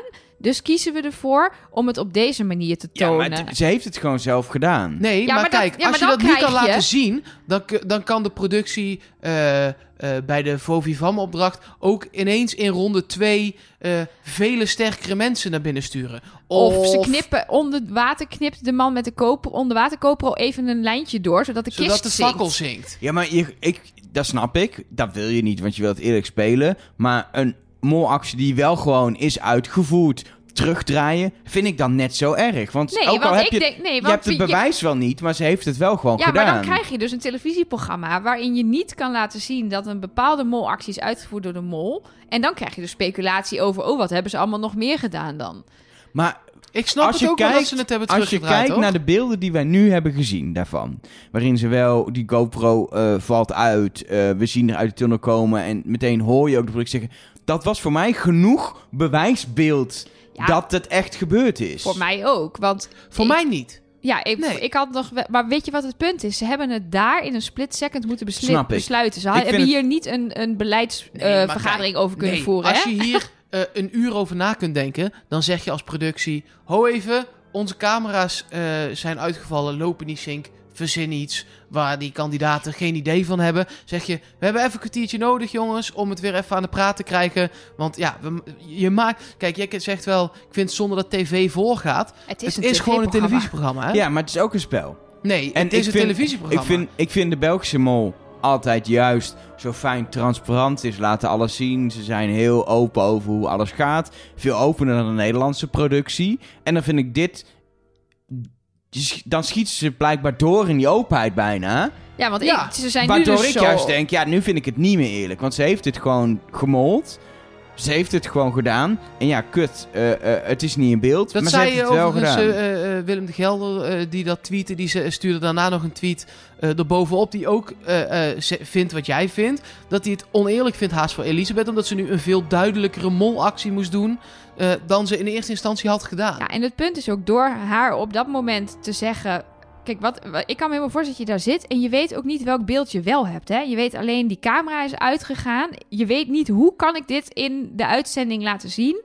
Dus je besluit op dat moment... ja, we moeten iets anders doen. Ga maar een, eh, een koker pakken, een booby trap pakken. En zodra ze dat heeft gedaan... ja, dan kan je niet meer achteraf volgens mij nog besluiten... om toch die kokers te laten... Snap je? Dus dan heb je die het- keuze nou ik, helemaal vind het ook, genomen. ik snap wel wat je zegt, Elke, maar ik, ben het wel, ik snap wel dat ze dit hebben gedaan. Ik, En ik ben het er ook niet wel dat echt ik het- mee eens. Ik, ik- het is niet dat ik niet snap, want ik snap helemaal, je moet een split second doen en denkt, shit, eh, we draaien het wel terug en dan doen we iets anders, want het is het enige wat we nu nog kunnen doen. Want dat is, je kan er niet uitgebreid over vergaderen. Ik vind het nog steeds, en daar verschillen we gewoon in van mening, en dat is prima, vind ik het de verkeerde keuze die ze hebben gemaakt. Dat mag. Ik, ik vind het Had de- jij de juiste dan- keuze. Eh, maar als stel je maakt de keuze, we draaien het weer terug. Had je het dan liever helemaal niet gezien? Nu? Ja, dan wa- dat, Gewoon of, deze hele mislukte sabotage of je legt niet. het gewoon uit. Je kan het gewoon uitleggen. Nee, maar ik bedoel, ze hebben de beslissing genomen. We gaan deze sabotage afblazen. Ja, Had je dan nu in deze aflevering niet de mislukte sabotage willen zien, maar alleen de, Alleen de paniekaanval alleen de paniekaanval ja. en de booby Had- trap? Ja, ik, eh, dat klinkt, ze ze zijn heel transparant en daarom laten ze het gewoon zien. En dat vind ik heel fijn, et cetera. Dus dat ben ik. En ik vind ook best leuk om te zien dat zoiets mis kan gaan. Weet je, dat vind ik gewoon heel interessant ook als, als mediamaker om te zien dat, dan, dat dingen misgaan en dat, wat je dan doet en zo. Ehm, maar je had het, als ze gewoon nu, als ze het gewoon laten zien als eh paniekaanval in de tunnel, had nooit iemand er naar gekraaid. Eh, en was ik nu niet Boos. boos. Nou, ik ben niet boos, je maar was begint ik wel niet steeds harder te praten. verontwaardigd geweest over hoe ze het hebben aangepakt. Ja, ik ben niet zo verontwaardigd als jij. Nee, jullie- ik Ik sta vond hier het wel, alleen ik in. vond het wel Dat echt, is ook oké. ik vond het wel echt heel erg, Gelukkig. heel erg niks. naar voor Elisabeth. Want je zag echt Vrijland. keihard door die tunnels gerend om dit te doen. Die had briljant een paniekaanval gefaked. Echt st- staaltje acteren van heb ik jou daar. En dan kom je uit die tunnel en dan hoor je dat het niet gelukt is. En dan moet je daarna dus zo'n klote actie doen als Nee, maar voor die je eigen paniekaanval gewin. zat daarna, ja, hè? die Nee, heeft nee, ze, nee, die nee. paniekaanval heeft ze nee. gedaan. Nee, die Nee. paniekaanval, die, Die heeft ze, ge- echt die na heeft ze zitten. gefaked om de tijd te winnen om naar die, ehm, naar die eh, kokers te gaan. Oh. Die paniekaanval kwam best wel in het eerste stuk namelijk. En toen ik dacht is ze dat het daarna... was toen ze alweer terug was. Volgens mij niet. Ja, volgens mij zoals ik het nu heb gezien en waar ze in de tunnel zit op dat moment dat ze die paniekaanval krijgt. Dus ook allemaal montage, hè. Maar had ik het idee dat ze die paniekaanval deed, zodat ze tijd kon rekken om naar die kokers te rennen en daar die kokers om te wisselen. Maar goed, los daarvan was gewoon die paniekaanval supergoed geacteerd. Camera op je neus, alles erbij. Je hoeft niet alleen maar over de portofoon. Eh, wij kunnen leuk lullen in de microfoon, maar je moet ook nog eh goede kop erbij trekken. Ja. Ja, en het is voor haar heel lullig dat ze dus, wat ze ook vertelde, dat je iets moet doen wat dus lijkt alsof je voor eigen belang gaat. En dus een pasvraag gaat pakken en dan dus de boel opblaast. Ja, terwijl je ook al weet dat die mensen jou best wel verdenken. Dat is niet zo leuk. Nee. Nee, nee, dat is echt niet leuk. Nee, Nee. want als zij daar stralend, doodsbang, maar stralend uit was gekomen met die eerste 500 euro, eh, dan had je Bas misschien wel weer van je afgehaald, want Ja. die zat nog steeds te twijfelen. En als Nee, die nee. dan denkt, nou, dit was de beste plek om, om te mollen en ze lijkt niet te mollen. Het was Jury die haar nog niet verdacht op dat moment, maar dat duurde nou over een uurtje en toen verdacht Jury er ook. Ja, Dus precies. al- alle- Ja, maar daar alle- had Elisabeth alle- zelf heel alle weinig mee te Alle maken. dingen zijn daar in dat bos bij die tunnels gebeurd, zullen we maar zeggen. Eh, alle opvallende dingen die we hebben, die we echt opvallende dingen die we hebben gezien deze aflevering. Maar nog even een andere opmerking over, los van dat het gelukt is of niet gelukt is. Wij hadden afgelopen seizoen in Nederland ook best wel een mening over dit soort molacties. Merel heeft toen in een opdracht met lezers waar ze alleen was geld gejat. Heeft dat geld bewaard en heeft toen in een andere opdracht geld uit enveloppen gewisseld. En dit is ook eigenlijk een soort... nee, soort... echt- ik vind het echt anders. Ja, is het een Ja, ander soort omdat, sabotage? Eh, ja, dat het feit dat eh, Merel eh, geld wegpakte en vervolgens wel zelf met het allerhoogste bedrag van iedereen naar buiten kwam, dat vind ik stom. Maar dat Want- was hier, was, de bedoeling was niet het allerhoogste bedrag, maar wel dat, eh, dat Elisabeth met 500 euro naar buiten zou Ja, komen. dan had ik dat nog steeds stom gevonden. ja, ik ja, ook. Oké. Ja, Ja, dan had je Ja, gewild nu- dat ze en zou saboteren en, En de dan... booby de booby trap. ja. Ja, maar dat was dus niet de bedoeling. Nee. Ja, Die booby trap was maar tweede dat- keus. Maar dat, dan had ik het dan stom gevonden. Ja. Ja, oké. Ben ik het wel mee eens. Dan, als je dan wel zelf geld gaat pakken, Ik, ik ben nog steeds ook geen fan van bij anderen geld wegpakken. Omdat mijn follow the money theorie dan niet meer klopt. Precies. Ja, want dat is natuurlijk het effect hiervan. Is dat, dat, dat ze iets... Ja, het is een soort molactie. Je kan hem niet in beeld brengen, want dan is het in één keer te zien... Hé, hier klopt iets Nee, niet. en Bas, of de eerstvolgende die wel bij die koker komt en denkt dat hij geld pakt en ook een booby trap vangt, dan gaan ze natuurlijk ook nooit duidelijk van in beeld laten zien of, het nou, of hij de verkeerde koker pakt of dat hij is doorgelopen en, Ja, en of het dat doet. degene aan de, aan de eh, porto dat eh, verkeerd heeft doorgegeven gaan ze niet bewust. laten dat hij dat kaartje niet goed dus dan heeft gaat in gelezen. mijn follow the money gaat er 1000 euro bij Bas af. Terwijl die helemaal terwijl niks hij heeft te mee heeft. te maken. Dat, Ja. En dat is natuurlijk ook de grap. Als, als deze molactie geslaagd wordt, dan, dan, dan zien we niet precies wat er is gebeurd. Alleen dat Bas de verkeerde pakt. En dan kan het Axel zijn aan de porto die verdacht is eh, gedaan. Elisabeth die hem heeft. Of Bas die de verkeerde pakt. Dan zijn er heel veel mensen die dat, die dat kunnen hebben, hebben gedaan. Ja, dus dan weet je nog Het niks. was een hele slimme molactie geweest. Ik had het nog steeds eh, eh, flauw gevonden als ze met die 500 euro dan naar buiten was gekomen. Dan had ik het hetzelfde gevonden als met Merel eh, in Nederland. Check, hebben we dat ook weer afgevinkt. Hij is wel, maar hij is wat dat betreft, is hij, als je hem ook bedenkt en nu zo analyseert, het is wel een hele extreem geproduceerd bedacht gemolactie. Gewoon letterlijk, Ja. jij gaat als eerste dan alleen en je gaat dit, dit, dit doen. En dan hebben we een perfecte molactie die het geld doet op tv. daar- hij daar is wel, staan ze het wel- zijn de minst, er zit, er zit helemaal geen spontaniteit of verdere ideevorming van Elisabeth en als toch mol merk in. ik dat omdat het een onbevoorbereide mol is, dat ik het daardoor iets beter slik. Ik ook. Ja. Ik ook, maar ik vind dat niet de leukste molactie. Nee, nee, nee, zeker Want niet. dit was een beetje vergelijkbaar met volgens mij het duiken in de bubbel. Was eh, eh, in het eh, seizoen van eh Eline volgens mij, toch? Dat ze dan moest, die kreeg toen ook een paniekaanval. Maar dat ja, was met ook zo'n lucht, eh, ja. zo'n luchtzak. Ja, precies. Dus je moet duiken en dan duik je weer omhoog. En dan zit je in en daar moest je dan een letter onthouden of een foto, weet ik veel. Maar dat was toen ook helemaal van je gaat duiken en dan doe je daar het goede. En dan ga je nog een keer en dan raak je in paniek. En dan weet je het niet meer. En dan nou, helemaal uitgedacht. Dus Nee, dat zijn de, de, de, voor de mol lijkt me dat ook de minst leuke. Het is leuker om een kussen op de grond te gooien en dat die slang daardoor op je bed kruipt. Dat is minder helemaal niet leuk. Dat deed hij alleen niet. Nee, nee, maar dat, op mijn bed. de- dat soort eh, acties waarbij je echt zelf de controle hebt. Ja. Ja, of zo'n eh, zo'n yoghurtbom waarbij je dan die groep kan manipuleren. Doordat je weet, we moeten streng zijn voor Eva. Want dan geeft Eva de foute code Daar door. moet je ook echt, zeg maar, daar moet je iets doen in de groep, daar moet je iets bewerkstelligen, dan moet je heel gehaaid zijn. En dit was gewoon uiteindelijk door de tunnel kruipen op het juiste moment, zelfs nog vragen wanneer je de paniekaanval moet krijgen, dat vroeg ze zelf nog. Dus het vind ik gewoon qua hele molactie, vind ik hem, eh, eh, los van de hele mislukking, is het een, het is een hele simpele molactie. Die kan elke mol uitvoeren. Daar is niks, ja, je hoeft er niks bijzonders, je moet alleen niet bang zijn voor tunnel, dan kan het Ja. niet. Ehm, misschien goed, en dat is een beetje een raar moment, maar qua aflevering klopt het helemaal, dat jij nu je alihoedje alvast op gaat Ja. zetten. Helemaal prima. Ja, Want eh, de verborgen hints zijn daar. ze waren er. Ja, En- hoe, hoe goed of fout zaten wij en de luisteraars eh, met, met alles Oh. wat zij instuurden en wij zelf hadden bedacht? We hebben er eentje goed in We ieder hebben er geval. eentje goed. Ja, in de voorstelvideo, in de teaser, waar alle namen van de kandidaten in verstopt zaten, daar stond Elisabeth in braille. En dat hebben wij netjes gekoppeld aan eh, De Mol is blind. Ehm, dus dat hadden we goed.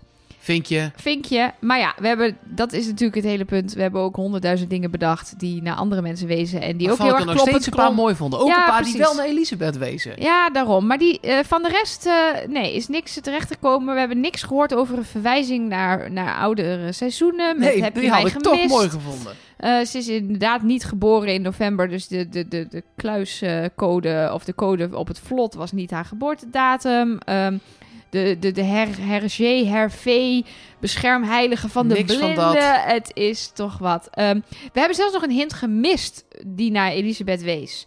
Eh, waarvan mensen nu nog steeds zeggen dat betekent iets. Ehm, namelijk de rugzakhint bij het Zwarte Pieten. Ehm, bij het stuk waarin ze de vragen Bij moeten Zwarte Pieten? eh, ja, bij het kaartspel. Weet je wel, met de Oh, vrijstelling. Ja, ja, Ben je alweer ja, ja. vergeten? Nee, ja, god, ik, ik heb nog nooit gezwarte Piet. Maar nee, Nee, die, die vrijstelling... Ja, unit, vrijstelling, kaartspel. eh, daar staat Giel eh, aan een tafel met die koffertjes erop. En dan moeten ze die drie vragen beantwoorden. Nou, daar hebben we eerder hebben we zoiets meegemaakt met de sokken van Yuri. Nu gebeurde hetzelfde met de rugzak van Elisabeth. Die was namelijk het ene shot op en het andere shot af. Dit is heel makkelijk te verklaren, want alle shots waarbij het eh, af was, ehm, werd genomen eh, door een cameraman die naast Chill staat. Je ziet de koffertjes nog op de voorgrond en je ziet de kandidaten overleggen op de achtergrond. Alle andere shots eh, waar ze de rugzak op heeft, zijn close shots van de gezichten van de kandidaten. Waarbij er dus een cameraman in het beeld van elkaar zouden staan. Dus dit zijn gewoon twee totaal los van elkaar opgenomen. Is gewoon slordig. Is gewoon wel slordig. echt slordig, hoor. Ja, de continuïteit-checker. ik weet niet wie dit was dit seizoen. Nee, maar, ja, je, eh, ja, nee, ja, ja.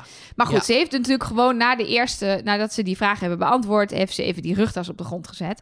Eh, maar mensen hadden hier dus ook weer morsen in gelezen en weet ik veel wat het allemaal was. Ehm, eh, maar dat, en ja, aangezien het naar Elisabeth verwees, dachten mensen bij Jury met die sokken weten wij, ja, nee, dat was niks, want Jury is niet de mol. Maar ja, dit verwees naar Elisabeth, dus wie weet was het toch wat. En met sokken kort, lang, kort, lang. Is wel heel letterlijk ik, ook. Vind ik, ja, dat, vind Ja. Ik, dat had ik nog beter gesnapt dan op, af, Precies. op, af.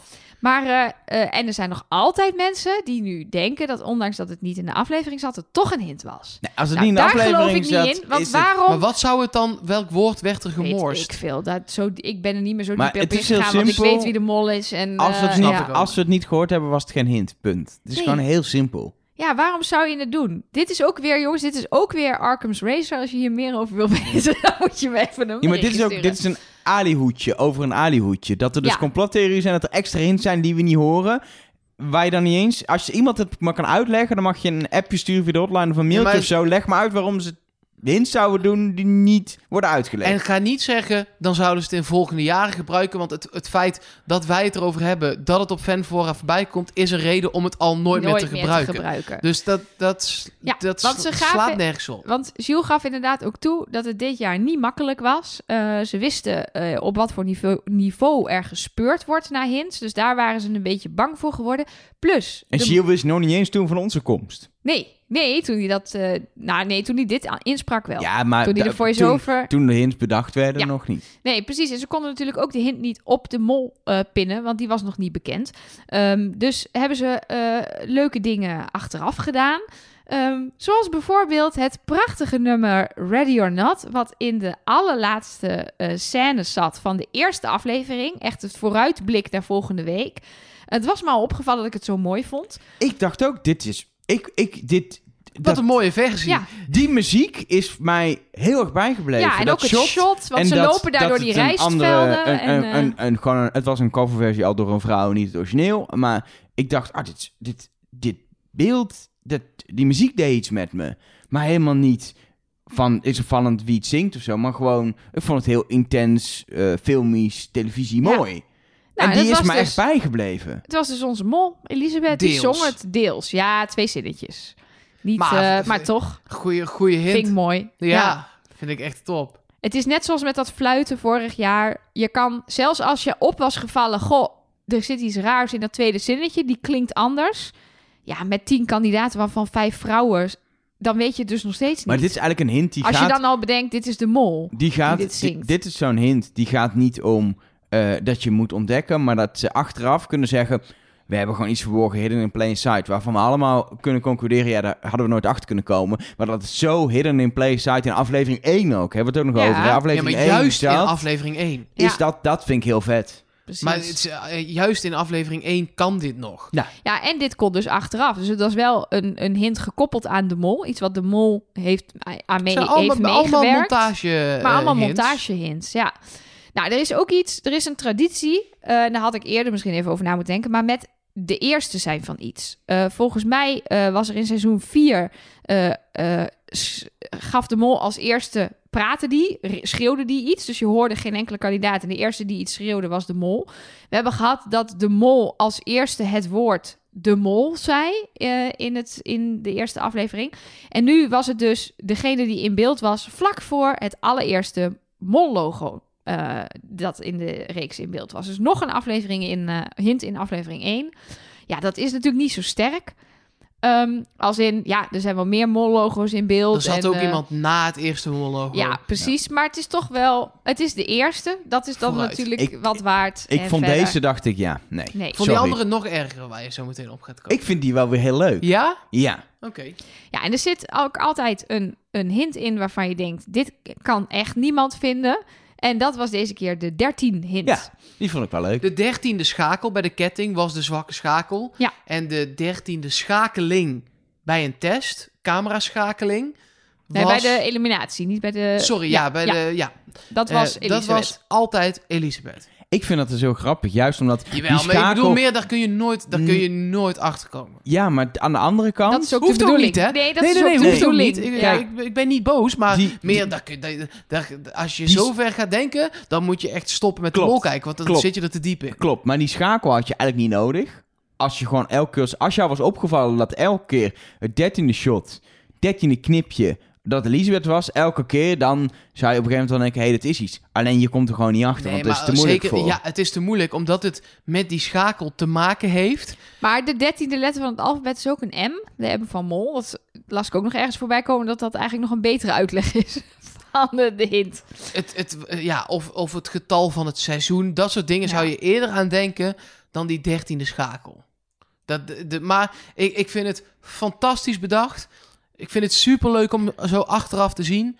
Maar eh, eh, eigenlijk hadden we alleen de eh eh braille hint was een hint die we ook hebben gezien. Ja. Ja. En die je ook echt Ik- kon Ja, ontleden. en ik weet nu wel dat wij volgend jaar gaan er mensen ons mailen met overzichten van wie in welk beeld zit bij de eliminatie. Ja, Maar ja, dat is niet meer wat. Want Ja, maar ik als, als, Ja. als makers doe je gewoon in ieder geval de eerste vier afleveringen... doe je een kandidaat altijd in het zevende beeldje natuurlijk. Gewoon voor de fun. gewoon om kijkers te Om fucken. ons te fucken, ja, tuurlijk. Ja, dat Nee, is... maar ja, je ja. ziet hier aan wel, en dat hebben we van tevoren ook gezegd, wat we hebben geanalyseerd, wat er vroeger voor de hints in zaten.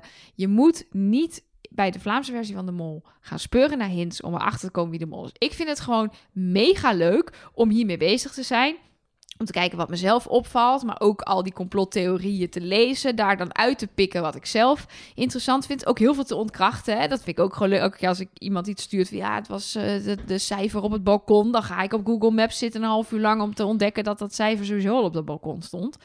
Ehm, waar overigens wel Elisabeth stond te zwaaien met een bordje met de mol. Ja, dat was in eerste instantie net niet in beeld, hè? Nee, Dat was helaas niet in beeld. Dat is dan Ja. weer zonde. Maar, maar dus ja, sommige mensen sturen me nu... Nou, eh, nou, nu ik die verborgen hints heb gezien... kunnen we dat alihoedjesblokje wel afschaffen. Ehm, mee eens. Ja, als in, als kan, je het wil, het als je het leuk. wil Ja. gebruiken om de mol te vinden, dan- heb je er niks aan. Maar dan- het is toch leuk? Dan ja, krijg je weer berichtjes dat de podcast zo kort is. precies. Nee, maar we vinden het ook gewoon leuk om te kijken. Ik, ben, ik vind het nu echt leuk dat we die braille goed hebben met Ja. z'n allen. Ja. Dat Ja. vind ik echt leuk. Ja. Als we er toch één, elk jaar één dingetje uit weten te vissen. Ja, dan vind ik het al geen verspilde moeite. En En het- het, is toch leuk om het over te hebben dat iemand zegt... er staat een cijfer op het balkon. Dat wij dan inderdaad, in dit geval jij... eh, eh, drie kwartier eh, of een half uur Google Maps aan het, aan, het, aan het kijken bent... met dat gele poppetje een meter naar links... en een gele poppetje nog twee meter naar rechts. Ja, laat ons lekker. Sterker nog, ze hebben geen Street View in Vietnam. Dus ik heb ehm, foto's opgezocht van de gevels van, de, van alle winkels die daar zaten. Wauw. Het was wat moeilijker dan, eh, dan gedacht. Maar goed, dat, eh dat terzijde. Ehm goede hint is trouwens, als je dingen wil vinden waar een plek waar geen Google Street View is. Je kan wel gewoon een plek aanklikken op Google. En dan vind je gewoon een verzameling foto's, Foto's, ja. gemaakt op die plek. Want ja, Google knows everything. Behalve Hoe is de Mol. Ja. Ja. dat weet Google niet. Ik heb het echt ook dit seizoen een aantal keer aan mijn Google-assistent gevraagd, maar die kon me nooit helpen daarmee. Hey Google, wie is de mol van 2020? Het spijt me, maar ik begrijp het niet. Nou, Ik- daar heb je dus helemaal niks aan. Ik, ik begrijp het ook nog niet. Dus dat is op zich een punt. We weten nog niet eens wie er meedoen. Hey Google, wie doen er mee met Wie is de Mol 2020? Ik kan hierbij nog niet helpen. Nog niet! Nog niet! Elke dag blijven vragen. Ja, elke dag. Ehm, dat waren de alihoedjes, denk ik. Ja, volgens en, mij wel. En daarmee gaan we ook richting de ontknoping van deze aflevering. En het is natuurlijk Axel die een check krijgt. En die kreeg hij op, uit mijn hoofd, 4 mei. En op de check stond 12, 12 mei. Nee, ja. Maar het was juist 12 mei, was voor hem een hele belangrijke datum. Hè? Want dat was ook de datum van zijn aanmelding in 2018. Ja, en kwam die op tv. Toen kwam hij op tv met die check. Ja. Maar ze hebben verge- zijn wel vergeten die 50 euro eraf te halen. Voor het kristallen glas. eh, Precies, ja, ja, daar had. Jury een goed punt. Ja. Nee, Axel kreeg de check en El- Elisabeth, wel leuk, kreeg haar, eh, haar schilderij. Haar molschilderij. Als je kijkt naar dit seizoen van de, van de Mol, eh, waar komt hij dan in, in- qua eh, eh, eh, Vlaamse seizoenen, zeg maar, in, oh, in, in, Qua in het favoriete, rijtje? Qua favoriete seizoenen? Ik heb natuurlijk de eerste Dit drie... seizoen 7 is Ja, dit. de eerste drie heb ik niet gezien, dus daar kan ik niks over zeggen. Ehm, maar qua, qua seizoen, zeg maar, ehm, sinds, sinds seizoen 4, echt qua televisie, qua kandidatengroep, qua opdrachten, qua hoe ver het seizoen was, ja, vind ik dit wel echt het beste seizoen wat ze nu hebben gemaakt. Dat, dat is, eh, eh, hebben de mensen denk ik bij geholpen die meededen, maar ook eh, de hele opbouw opdrachten en zeker ook de molselectie en alles wat daarbij hoorde. Alles klopte gewoon, alles viel op zijn plek. Ehm, in dat opzicht is dit wel het beste seizoen. En wat nou, want dat vraagt eh Yannick Brouwer aan ons via de hotline. Als je de seizoenen van Nederland en België samen moet voegen, komt deze dan bijvoorbeeld bij jouw top 3 molseizoenen? Of wat, is je, wat zou Dit dan je top dit- 3 zijn? Dit is het vetste monsterseizoen wat ik ooit heb gezien. Ook als je alle Nederlandse Ja. eh, seizoenen erbij pakt. Ja. En wat zou dan op 2 en 3 staan? Ehm, ik denk... ehm, ik denk het seizoen ehm, van Nederland in Mexico. Met Dennis Wening als Ja, mol? misschien als twee. En het, en het Belgische seizoen met Gilles eh, van Bouwel. Dus eerst terugkeerseizoen van België op drie. Ik vind het lastig hoor. Denk er nog heel even over na, want eh Yannick wil het van ons alle drie weten. Ja, nee, ik vind dit ook wat ik heel moeilijk vind, is dat er is een soort eh, pre-podcast kijken en sinds Dat- de ja, podcast Dat kijken. is echt wel een ding. En, en er zijn gewoon seizoenen, die zijn me ook gewoon niet zo heel erg bijgebleven. Wij kijken best wel intenser Ja, nu. waardoor het ook ehm, vetter wordt, vind ik. Daarom Ja. maak ik ook deze podcast. Ik vind het daardoor eh, eh, bijvoorbeeld het seizoen met Jan, twee jaar geleden in Nederland, seizoen 18 in Nederland. Ja, super vet seizoen. Die opening, niet normaal. Ik vond Jan een heel erg toffe mol. Sinds al die jaren was dat weer een soort nieuwe stijl mol, wat ik heel, heel Die vet staat bij mij ook al op drie, denk ik. Ja, Maar, maar, mag niet, maar, we zijn net zo maar anders. deels- Nee, nee, nee, nee. nee maar niet. deels komt dat volgens mij ook omdat dat jaar daarvoor met Thomas in Oregon heb ik gewoon heel anders Nee, gekeken. En het was ook Was meh. ook meh. Ik vond Met die huifkar-aflevering met- die ja, oneindig duurde. En Jochem van Gelder.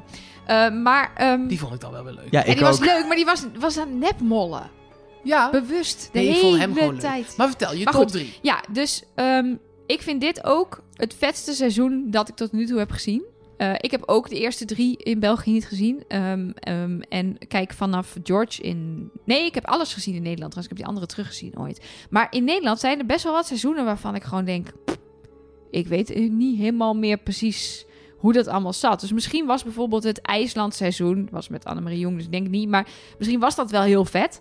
Maar is gewoon niet zo blijven hangen, omdat ik toen... Qua wat was opdrachten, ik? 20 qua of zo. opdrachten en afleveringen was IJsland en eh, natuurlijk Andalusië waar ze ook heen zijn Ja. geweest. Was Was echt wel een mooi echt seizoen. Ja, was wel Alleen vet, kwam ja. de, de, eh, de mol was daar zo matig dat En dat, dat wel een stempel Ja, drukt. Nee, maar dat is wel het ding. Je, je, je, volgens mij is de analyse die je maakt over of het een topseizoen is, is waren de opdrachten vet, Ja. was de locatie vet en was de mol, Mol goed. goed. Dat Ja. is dat best is wel dat mee. want- Mexico seizoen ook. Die had een Mexico was toffe locatie, de kandidatengroep was echt tof, de opdrachten waren goed en Dennis was een goede mol, waardoor die al die alle vinkjes waren afgekruist. Ik heb dat met het Kim Pieters seizoen in Nederland heel erg. Ik vond de locatie fantastisch. Japan, toch? Japan. Ja. Ik vond de opdrachten, een, eh, eh, eh, 9 van de 10, supergoed. Ja. Alleen Kim als mol is, heeft mij niet beklijft, zeg Nee, maar. Dat, nee, precies. Dus dan is ik was dat- überhaupt even vergeten dat Kim Pieters ooit de mol was, zeg maar. Ja, Zo ja, erg was dat het al. Ja, Nou ja, en bij mij zijn er ook heel vaak gewoon specifieke opdrachten die er dan uitspringen. Dat ik dan eh, bijvoorbeeld in Zuid-Afrika, dat was het eh, seizoen van Kees Tol,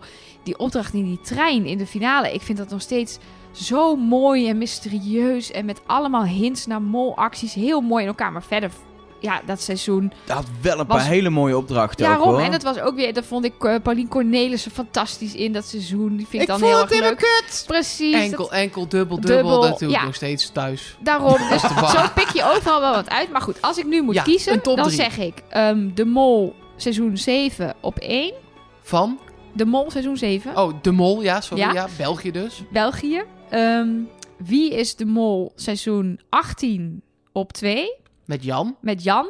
Eh, ook deels omdat het ons podcast... Eerste, dat blijft altijd een speciaal seizoen vanwege de podcast. Maar toch, dat draagt ook bij. En dan mag ik een gedeelde derde plek doen? Ja, dat zeg jij niet er niet bij, dus Ja. doe maar. Nee, dan denk ik... Ja, kijk, ik vond het seizoen... Mag niet een gedeeld met vier, hè? Nee, maar ik, vond, ik ben het helemaal eens met Elge met Mexico. Ehm, ik, Mexico is ook een, voor mij een land met een speciaal plekje in mijn hart. Dus dat vond ik ook fantastisch. Alleen, ehm, ik weet nog dat ik echt weggeblazen was door de terugkeer van de mol. Dus seizoen 4 met Jules van Bouwel zat ik gewoon van de ene verbazing in de andere. Omdat ik dacht, wauw, oh wauw. Maar we hebben, we hebben Oh, precies dezelfde. We zijn het eens over nummer Ja. 1. En over dat er nog drie na zijn, zijn we het echt Ja. compleet over eens welke drie dat zijn. precies. En de volgorde is maar ook een beetje. Ja, Ja, dus wij zijn het veel te eens. Mark, heb jij nog een andere heb jij mening? iets heel nou, anders? eh, Yannick zelf, dat is ook wel even leuk, gewoon voor Oh ja, tussendoor. Eh, die zegt dit seizoen in België. eh, Zuid-Afrika in Nederland, eh, dus met, eh, met Kees Tol. En Georgië met Jan met de Wij Bedoelt zijn niet die- in Kiev, vriend. Zij zijn ook bij de mol, zijn ze ook in Zuid-Afrika geweest. Bedoelt hij niet die? Ja, dat zou ook kunnen. Dat dat is met niet. Eline. Dat staat er niet bij. Het staat er niet bij. Nee. Oh, het staat er wel bij, met België. Ah, Ah, toch wel. Sorry, ja. Dus, eh, Dus dan ja. eh, eh, op één dus dit seizoen in België. Op twee voor hem Zuid-Afrika, eh, België. eh, en op drie Georgië met de Wij zijn niet in Kiev, vriend. vriend. Ja, dat is ook iets, dat gaan we toch ook nooit meer vergeten. Nee, dat gaan Nee, we nooit meer Wij zijn vergeten. niet in Kiev. Ik zeg het nog drie keer per dag. Ja, nadat we enkel, enkel, dubbel, dubbel voor de spiegel hebben gedaan. Precies. Kijken we elkaar diep in de ogen en dan zeggen we... Wij zijn niet in Kiev, vriend. En het verraad is terug. Zeg Ja, ik ook, ook- nog ook eh, regelmatig. En jij weet niets. Jij weet niet. Dat snap ik wel, dat jij dat heel Maar, vaak tegen eh, El gezegd. Dat is wel waar. Dan mag Dat ik jouw waar. lijstje. Ja, vertel. Nee, er komt toch nog wel eh, eh, eh, een, in ieder geval één andere in voor bij jullie. En ik zit er wel heel erg te twijfelen ook. Ehm, op één staat voor mij eh, toch het Nederlandse seizoen met Jan. Eh, en dat heeft te maken met dat daar na 18 jaar een heel nieuw type mol eh, werd gelanceerd. Wat nu ook wel een beetje is doorgetrokken met Merel en ook wel met Elisabeth. Hele andere manieren van het benaderen van de mol. Ehm, en het begin van deze podcast hangt daar voor mij ook wel heel erg aan dat we dat zo intens hebben gekeken. En dat ik als een van de weinigen goed zat. Dat vind ik ook, dat is heel egoïstisch, maar dat vind ik ook ja, gewoon dat vroeg lekker. ik me dus ook nog af. Speelt dat bij jullie mee? Bij mij of speelt je dat goed wel mee. zat? Nee, want ik zat bij Suzanne Visser goed, maar ik zou het nooit een goed seizoen noemen, noemen zeg maar. Dus nee. Nee. Nee, Nee, Nee, bij maar mij ik speelt het ook geen enkele In- rol. maar in de, in, Ik weet ja, meer maar waar ik- ze heen gingen, zeg ik ben maar. gewoon Zo veel te, veel te competitief. En Ik weet dat ze op een windmolen zaten, maar meer weet ik ook niet. Maar goed, ga verder. Nee, eh, eh, ik vond het gewoon heel leuk dat ik zo vroeg goed zat, omdat niemand me geloofde. Dat, Ja. dat, dat ik zo lang heb moeten opboksen en dan een soort aha-moment aan het eind had dat het toch klopte, Ja. wat ik dacht. Dat vond ik leuk. Maar eh, eh, verreweg het meeste gaat het erom dat het een nieuw type mol was die gewoon ineens fanatiek kleine be- beetjes geld wel ging binnenhalen en grotere gedeeltes geld juist liet liggen of wegpakte bij anderen. Maar en Ik- ook zo brutaal was dat de makers af en toe dachten... we moeten ingrijpen. want rustig dit- aan. Ik, maar ik, wat ik ook nog heel erg bij dat seizoen heb, is dat het ook een heel ander type land, een heel ander decor was, wat we nog nooit hadden gezien. Want we hebben Azië die- en, eh, en eh, Zuid-Amerika hebben we al eh, 800 ik keer gezien eh, inmiddels. de Lada-opdracht. Vergeet ik nooit meer. Door Nee. dat dorpje Maar- rijden maar en dan die de- mensen verhuizen. Die opening van dat Ja. seizoen, dat kun je nooit meer evenaren. En wat dank je van dat langslopen in dat park? Dat was een van de spannendste dingen die Dus ik voor ooit mij heb gezien. Dus, zat eh, daar zoveel in. Zoveel lef, zoveel vernieuwing. mhm. Eh, dat vind ik het beste seizoen ooit. Ik vind het seizoen van België nu, eh, wat we nu net hebben afgerond, staat voor mij op twee. Omdat ik het eh, met de onvoorbereide mol echt fantastisch vond. Maar ik ook wel eens dacht, oeh, als de mol hier iets meer had geweten, had er in deze prachtige setting van Vietnam misschien nog net iets meer in Zeker. gezeten. Zeker. Ehm, maar de opdrachten waren fantastisch. Ik vond de groep inderdaad ook echt, echt geweldig. ik ga ze ook echt missen. Ja, maar echt. Ja. Jullie niet? Ja, ik mis Jury al weken ook. Ja. En dat is eigenlijk een beetje raar, want ik ken die mensen helemaal niet. En ik heb maar een uur en een kwartier per week ernaar gekeken. Nou ja, en dat dan keer drie en dat dan Ja, vijf dat- keer ja, over de kop. ja, ja. Maar, maar ja.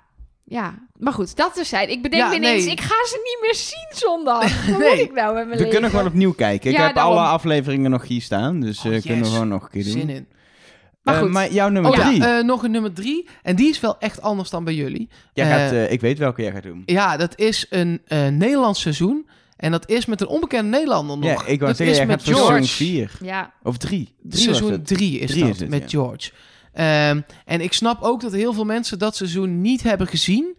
Ehm, maar hij was... En daarom twijfelde ik ook over het seizoen eh, met Gilles van Bouwel. Omdat George en Gilles van Bouwel eigenlijk eh één en dezelfde mol eh, waren. Zij hebben eigenhandig het spel als mol naar een, een, eh, eh, naar een hoogte gebracht... waar makers in de seizoenen daarna aan vast konden houden. Zij hebben, zonder dat de programmamakers dat als idee hadden, zelf een hele invulling gegeven aan hun molschap en de dingen die ze daarbij hebben gedaan. mhm. Ehm, en dat vind ik prijzenswaardig. Voor de mensen die het niet weten, George was de eerste mol die bijvoorbeeld bedacht... ja, maar als ik helemaal terug moet zwemmen bij een, een surfopdracht... dan moet ik het eerste deel van de opdracht heel goed doen... zodat het tweede deel van de opdracht heel zwaar wordt. Dat soort dingen, zeg maar, ja, hij de lange de lijnen ook eh, bedenken van... eh, als ik, nu eh, in aflevering 2 het begin over dat mijn familie zo mis, Ja. kan ik in aflevering 5 prima door die dozen rennen om, Precies. om, om mijn man op dat vliegtuig te zetten. Ja, en Dat- ik eh, moet in een kerkje uiteindelijk eh, terechtkomen in het geval van Jules van Bouwel. En daarvoor heb ik vertrouwen nodig. Dus ik ga overal zaadjes planten en dan eh, word ik uiteindelijk vertrouwd. En dan daar... eh, Maar daar is George, kijk, de eerste paar seizoenen in Nederland was een beetje zoeken. Dat hebben de makers zelf ook wel toegegeven. En vanaf dat seizoen was het echt, holy fuck, dit kunnen we allemaal met Ja. een mol. Hij is ook nog steeds adviseur, hè? Hij is nog steeds een van de mensen waarbij mollen in Nederland nu, of in ieder geval tot zeer recent, ik, weet- ik weet niet hoe dat dit seizoen is gegaan, eh, op bezoek gingen om gewoon Ja, volgens mij heeft Merel niemand gesproken, vertelde ze volgens nee, mij. maar, maar, eh, daarvoor, eh, als er mollen worden uitgegooid, zit hij er altijd bij. Omdat ja. eh, die denkwijze die hij heeft, dat, dat, dat vind ik zo fantastisch. Dat je eigenlijk in je eentje een televisieprogramma weer verder hebt geholpen. Mhm. Mede door hem duurt het al twintig seizoenen. Want als het nog steeds aanmodderen was geweest, was het al lang van de buis gegaan. precies. Dus dat staat voor mij op drie. Ja, wat, ik wel, wat ik wel grappig vind in deze analyse. ehm, ik zat zelf heel erg mee. We zijn nu bijna een half jaar aan het podcast geweest. Eerst over Nederland, meteen door over België. En ik vond wel, als ik het dan een beetje terugluister en terugdenk ook. Waren wij heel kritisch op het Nederlandse seizoen, continu. En volgens op het Belgische seizoen eigenlijk hadden we weinig kritiek. Hebben en we ook wel wat ik, commentaar op gehad. Dat mensen vonden dat wij dan het Nederlandse seizoen te hard aanpakten soms. Ja, maar ik denk wel, als ik nu ook weer terugdenk.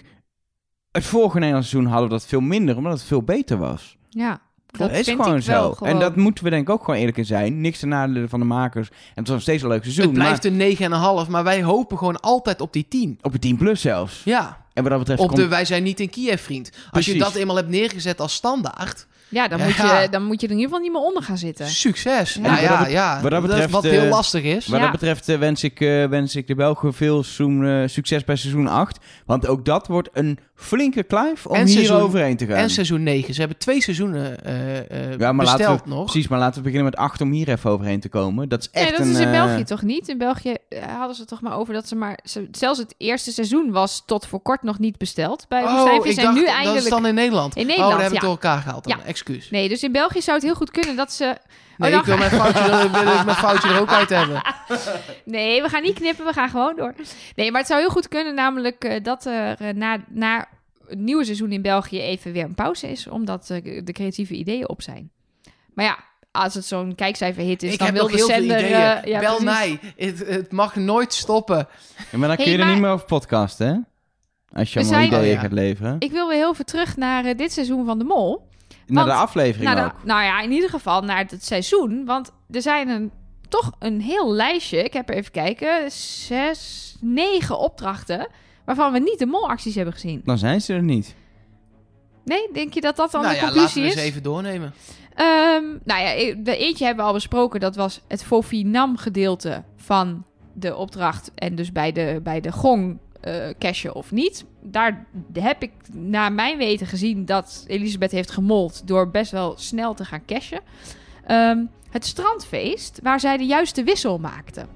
Daarvan ehm, weet ik, dat heeft ze ehm, op haar Instagram heeft ze daar een vraag beantwoord, dat ze daar haar best mocht doen. Want dat was na de, ehm, de, yoghurtbom. Ja, de sfeer moest er even De sfeer in. moest even terug en daar mocht ze dus gewoon haar best doen. En dat heeft ze dus ook gedaan. Dus niet gemold.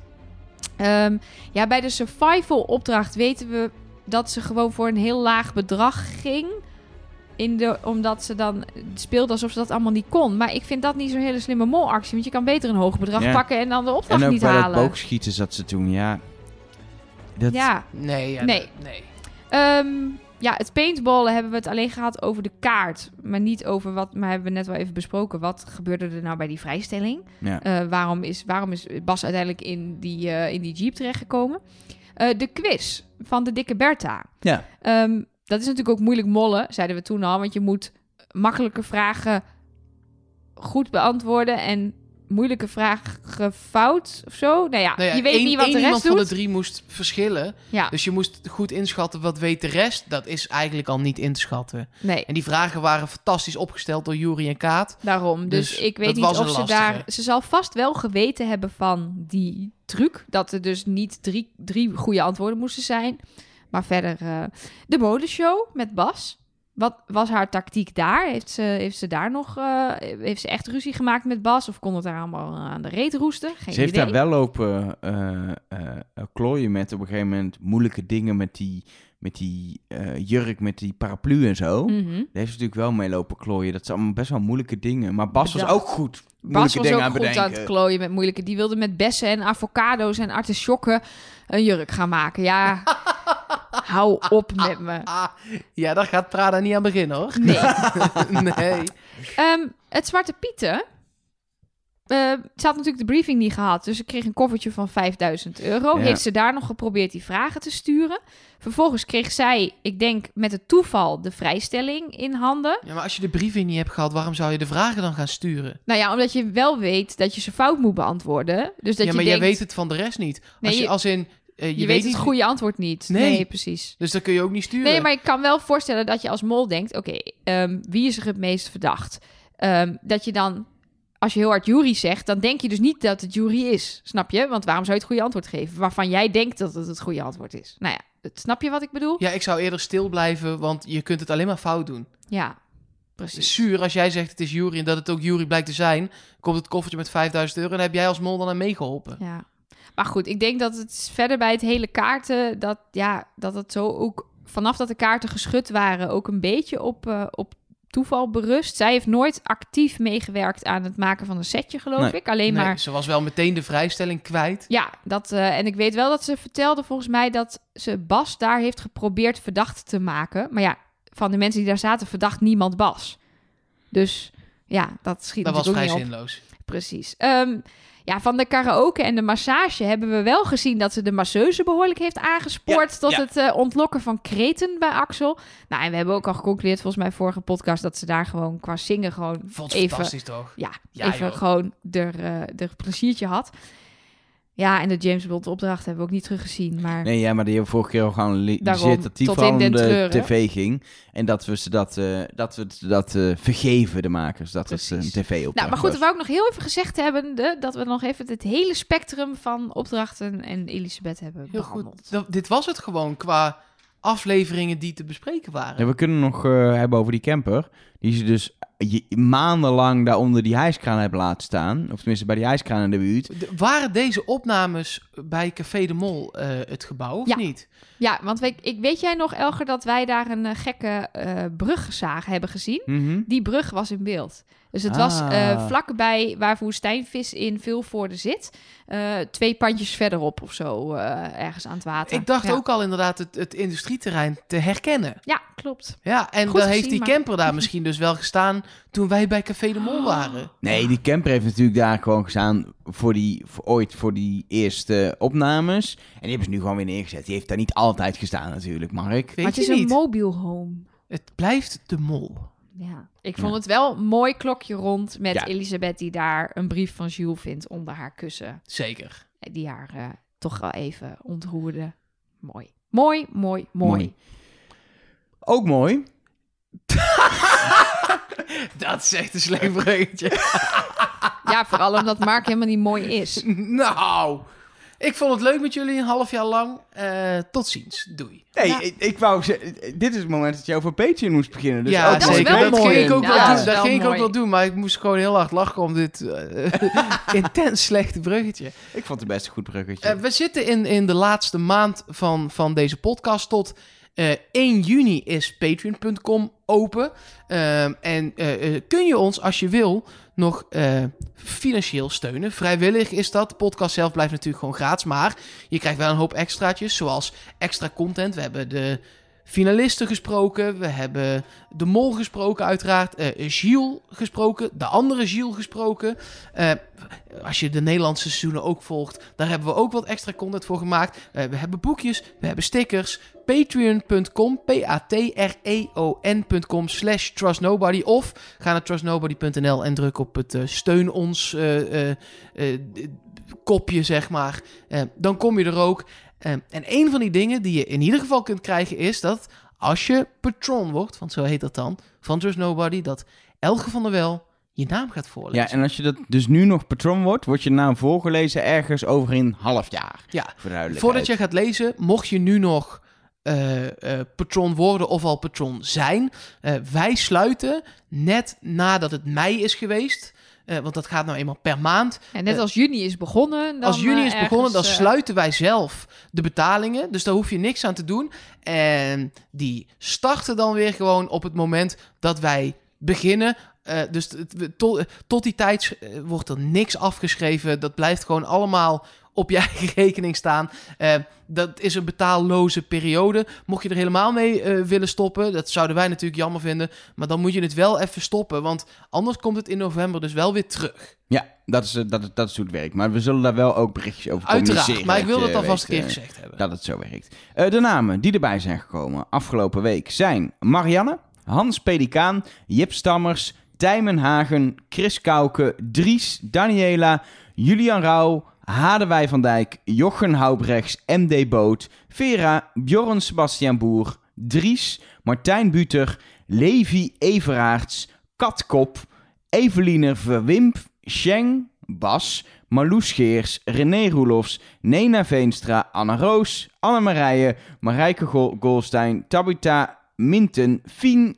Timna, Anoniem, Tom Wintermans, Robert Bijnen, Aline Dassel, Tessa, Sophie, Marjan van Apeldoorn, Cyril Raumen, Paulien, Floris, Anne Sleddering, Kim, Marjolein, Ristjouw, Roos, Miss Charlotte, Ellie Bolt, Pieter Nel, Rachel of Rachel, Eline Jansen, Dorien Daniels, Jacco, Mariska, Roos, Florine, G. van Merjenboer, Marloes Oosterom, Noor van Hekken, Juri Kapsenberg, Bram Faams, Sollen Os, Melanie Bolle, Daniel, Flor Tissenhoven, Nela, Chris Kalmeijer Meijburg, Celeste, Leonie, Naomi Zwaneveld, Rick Hoen, Michiel de Bucher, Charlotte... Ben je gewoon iedereen ooit aan het voorlezen? Nee, Oh, echt niet. Herbert Keurshorst, Ko- Keurhorst, Giel Koolman, René Broek-Roelofs, Christina Hoekstra, Raoul Xavier Boerlage en Lucas Stolk. Zijn er tijdens het opnemen nog drie bijgekomen? Nee! Is Echt geen waar, grap. Echt waar. Oh, is het weer Alsjeblieft, zover? hier heb je de mail. Eh, Lianne, Elwin van Ede en Erik Leppen. Dank jullie wel allemaal. Die ken ik van het forum. Oh, nou, die zijn er, die zijn nog bijgekomen. Wat een lijst, dank jullie wel allemaal. Dit kan toch niet kloppen? Dit is toch een grap? Nee, ja, blijkbaar niet. Wauw, Ik denk dat we op zich nu genoeg budget hebben om een klein uh, lasergamepje te doen. dat denk ik ook wel. Daarover zometeen nog meer. Teaser. Teaser. Ja, ja, ja. ja, Eerst ja. eh, moeten we nog even kijken naar wat er allemaal is eh, binnengekomen aan, eh, aan appjes, aan dingetjes. Zijn er nog überhaupt audio-appjes? Ja, zeker. Er zijn, eh, er zijn nog wel wat audio-appjes Want binnengekomen. jij hebt, jij hebt de afgelopen week heb jij de hotline eh, druk bestierd. Druk bestuurd, zeker. Nou, en voor duidelijkheid, de hotline dat krijgen eh, patrons. En je kan straks nog een half jaar lang eh, dingen naar de hotline sturen als je patron bent. Maar de kans dat je meteen iets terugkrijgt, eh, wordt wat kleiner. We zullen best ooit nog een keer een reactie Ja, sturen. ik ga hem eh, niet helemaal onder in een laag gooien, maar ik ga hem ook niet meer eh, zo bij me houden Nee. als ik de afgelopen maanden heb gedaan. En ik ook niet en Mark ook niet. Dus eh, eh, eh, het kan Maar even duren voordat je. Altijd welkom om van alles te sturen. Zeker. Zeker als je op vakantie bent en je komt bekende Nederlanders tegen binnenkort. Die onder leiding van een bepaalde Rick ergens met... In een riksja zitten. Ja, ja, precies. Dan mag je ons altijd iets laten weten. Oké. We kregen een heel leuk appje van eh, Steven. Hoi, Team Trust Nobody.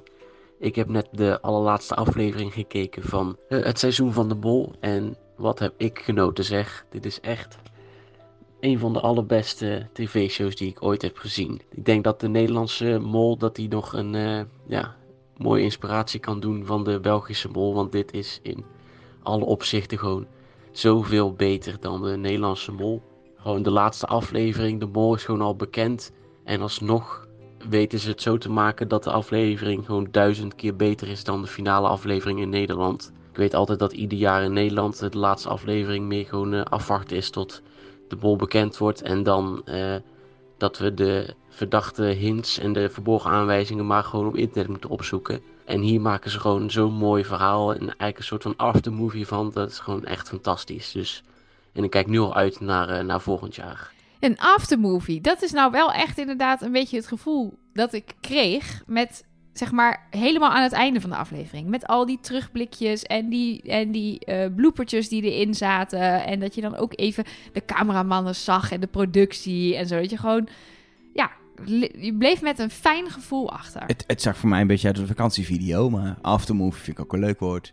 Ja, maar, maar dan op de, een positief. Ja, vakantiefilm ja. klinkt een beetje alsof van, oh, toen hebben ze even wat, wat shotjes gemaakt van een strand. En, Maar dat eh, was ook wel een beetje Om zo, het Ja. toch? truus, eh, om het ik truus, had wel een om het vakantiefilm gevoeld er er juist van. Ja, Omdat het juist zo ook... ook Even die- met ome Jan op Ja, vakantie, zeg precies. maar. Ja. Dat, dat, Maar in de goede zin. die ik heb gezien, het li- lijkt me allemaal hele gezellige mensen. Ja. Dus we zijn het helemaal met je eens, Steven. Dit is eh, fantastische televisie. Nog meer? Of gaan we Ja. naar de gewone appjes? Nee, ik heb er ook nog eentje van eh, Alissa. Ja, gefeliciteerd. Die hadden één molactie goed.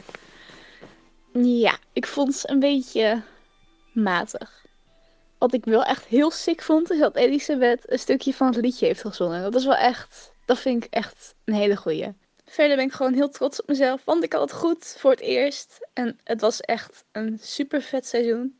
En ik ga volgend jaar sowieso weer kijken.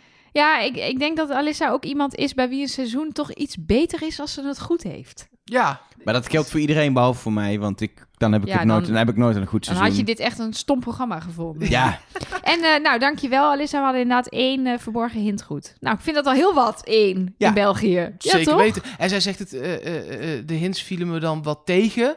Maar de- wat we net zeiden, dat, daar is België gewoon niet zo van. nee, en se. het is ook gewoon niet meer te doen anno 2019 met al die mensen met aluminium hoedjes zoals Nelleke Poorthuis. Ja, daarover gesproken, aluminiumhoedjes. Ja. Ehm, de mail en de post en eh, weet ik het wat er allemaal weer is, eh, is binnengekomen. Ehm, bijvoorbeeld via de hotline, maar dan in tekst van Joost, die zegt... aluhoedje.be is nog beschikbaar. Eh, dus dan, dan Oh weet ja, je in dat. plaats van .nl, In plaats van moeten we even dan- aluhoedje.be eh, Ja, nou, we zullen kijken eh, wat we eh, kunnen doen. Sterker nog, ik zou gewoon even er nu heen gaan. aluhoedje.be Ja, zeg het niet nog een keer zo opvallend. Aluhoedje.be Is dat minder Ja, opvallend? beter. Oké, top. Eh, dan eh kregen we hebben net al wat tweets behandeld hè, van het eh, Trust Nobody Cast. Dat zijn wij op Twitter en op Instagram. Eh, en we hebben ook een mailtje gekregen, mol at trustnobody.nl. Dat blijft ook gewoon allemaal wel openstaan of het komende BE. half jaar. Of .be. Deze kwam toevallig van Esther via NL. Ehm, en zij stelt mij gerust. Zij zegt, je bent niet de enige die gespoord was voor de finale aflevering. Want zij wilden hem gaan kijken op de maandagavond. Ging naar de website van 4.be en zag daar een thumbnail van Elisabeth met daaronder de tekst Mol in actie.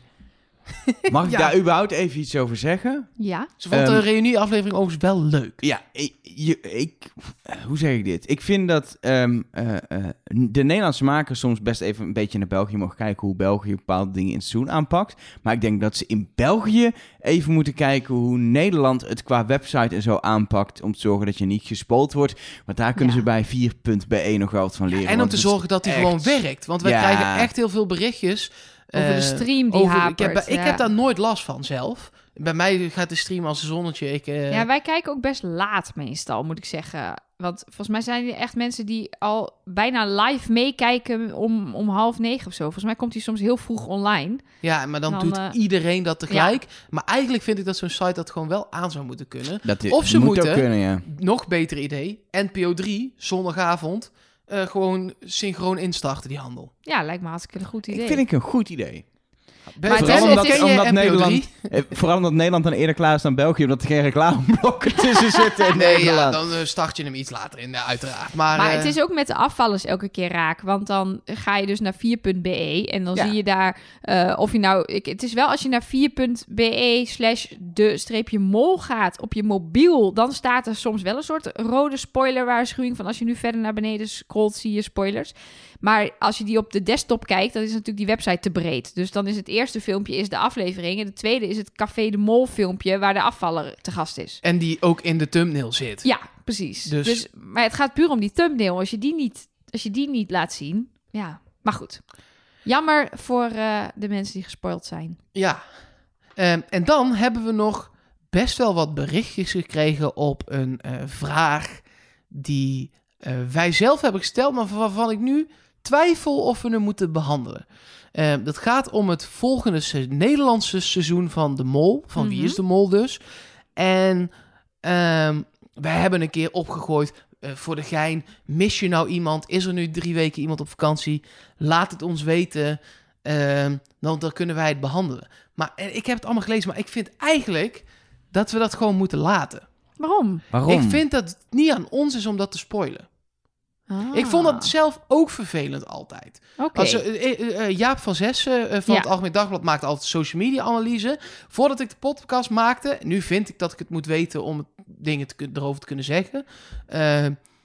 Las ik dat nooit. Wilde ik het niet Ja, maar weten. Dus zijn of we gaan nu maar je zeggen, hebt- we klikken nee, verder. Nee, maar je, je haalt nu twee dingen door elkaar. Je hebt een analyse waarin je gaat kijken of je van social media al kan zien dat mensen het einde niet halen. Maar ook wie meedoen of maar niet. wie meedoen, daar is niks aan dat het programma er minder leuk van wordt. Sterker nog, het wordt leuker dat je al weet dat er iemand meedoet of misschien meedoet en misschien is het Ja. goed of niet. Oké, ik dan vind gaan het echt wat zo. anders dan spoilen dat je eventueel weet dat iemand Ik had dit zelf niet willen weten als ik geen podcast maakte. Dus laten we het dan doen in twee minuten precies. Oké, Is dat goed? vanaf nu twee minuten. Als je het niet wil weten, twee minuten vanaf nu vooruitspoelen.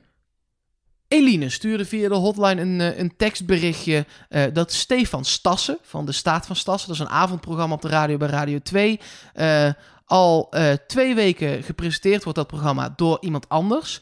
Nou hebben wij mensen die hebben gezegd dat Rick van de Westerlaken nog in Nederland was op het moment dat wij dit opnemen vorige week. Dus donderdag, eh, zeg maar, rond 10 mei was hij nog in Nederland.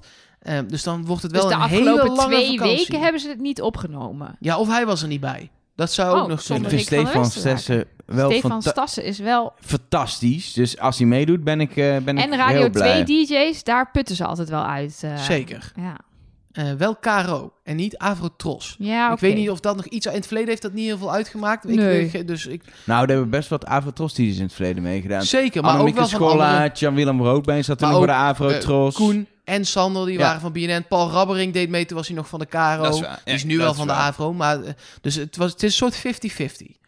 True. Ehm, dan Peter, vaste luisteraar, ehm, die stuurt er een die mij zelf ook was opgevallen. En waarvan ik ook denk dat het een hele leuke kandidaat zou kunnen zijn. Hoe lang heb ik nog?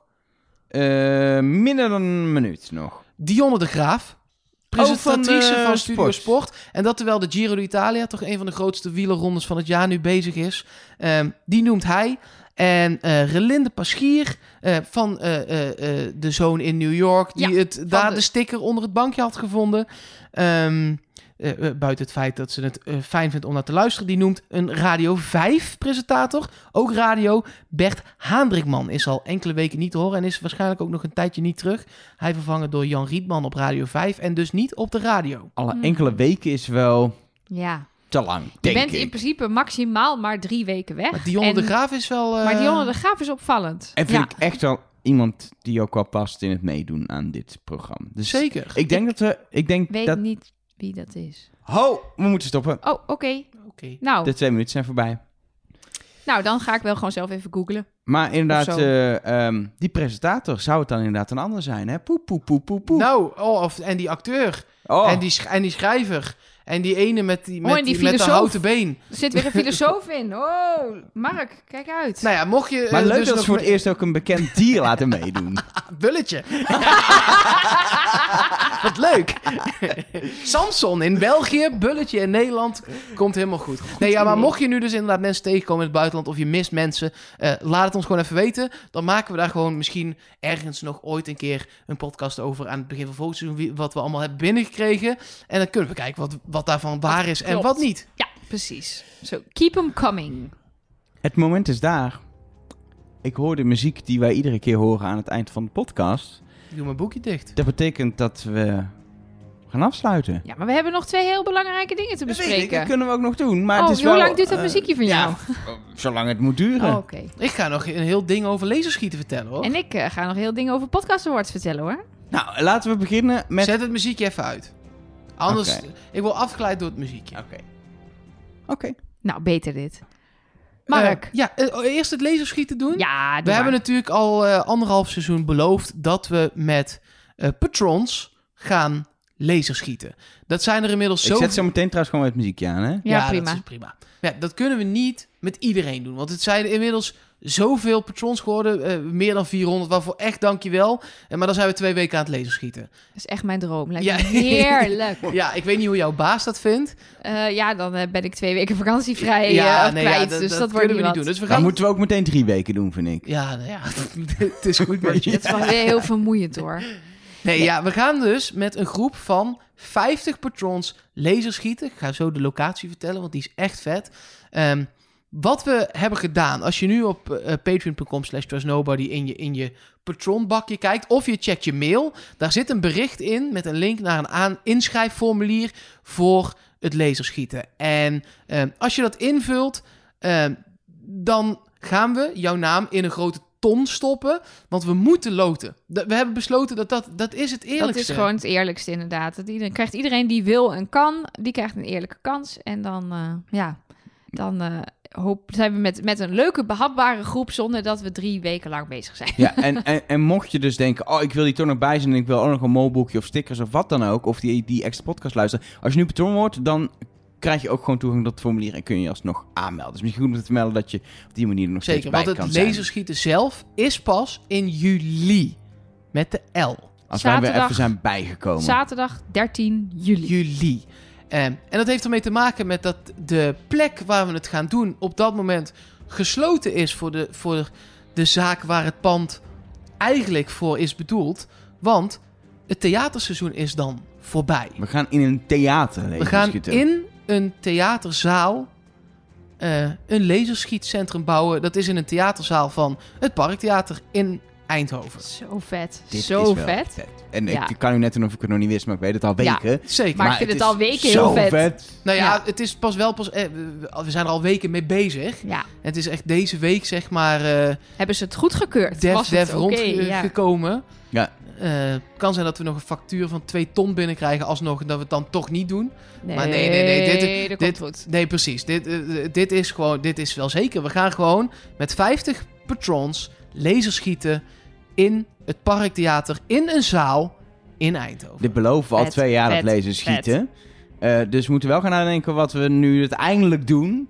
Voor een seizoen weer voor een nieuw ding gaan bedenken. Ja, maar dat komt dan wel weer. Misschien Laten we eerst maar eens laserschieten op een andere locatie. Ja. Paintballen.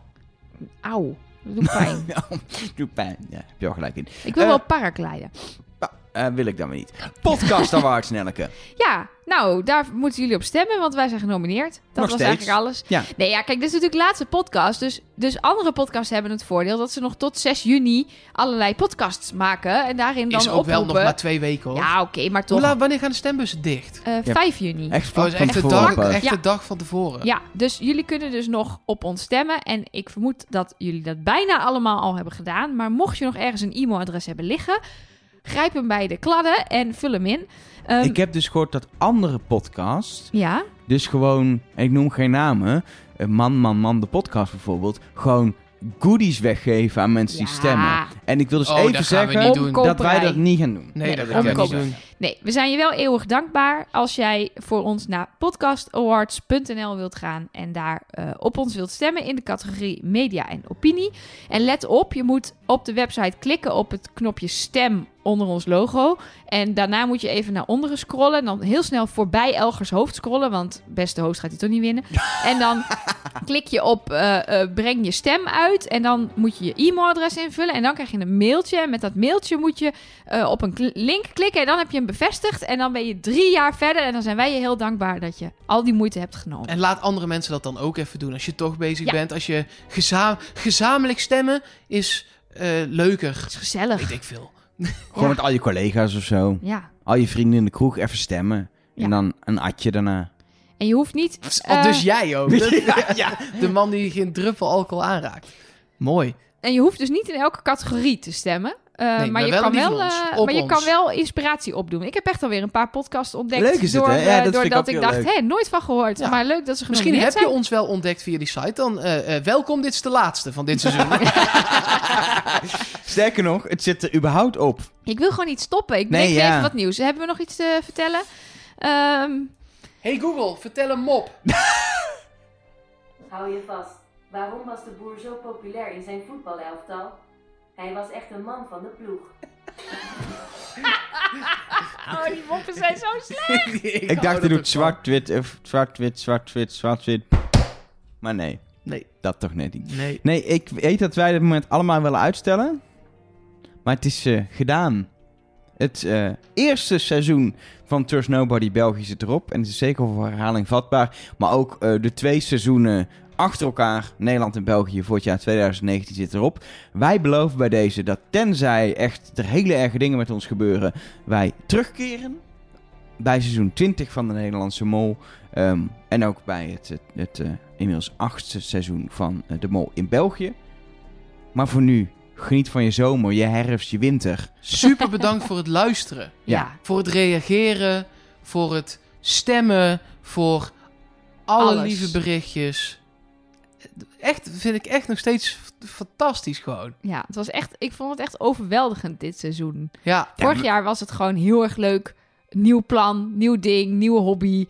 Vet. Eh, oh, mensen vinden het ook nog leuk. Wauw. En dit jaar is het echt. We zijn gegroeid, zeker in Nederland, tot een van de populairste podcasts van Nederland op dat moment. Gewoon qua luisteraars. Dat is crazy als je erover nadenkt. volgend jaar moet het nog groter. Nog altijd groter. Altijd meer. Altijd meer. Ah, meer. Maar als er volgend jaar gewoon weer een paar mensen luisteren die ook soms een mailtje sturen, ben ik ook wel blij hoor. Tuurlijk. We, de- al, al luisteren er 50 mensen en stuurt er één iemand een mail. Ik vind het alleen al zo leuk om te doen. Met jullie ouwe hoeren over Ja. de mol en Dan wie is de we zo mol. voor nee, gewoon uit eten gaan en dan gewoon gaan kletsen of zo. Want Is goed. ik Lekker. weet echt niet leuk. wat ik ook met mijn tijd moet doen. Onbeperkt eh, wokken vind ik lekker. Nee, ik lust wel wat chaka.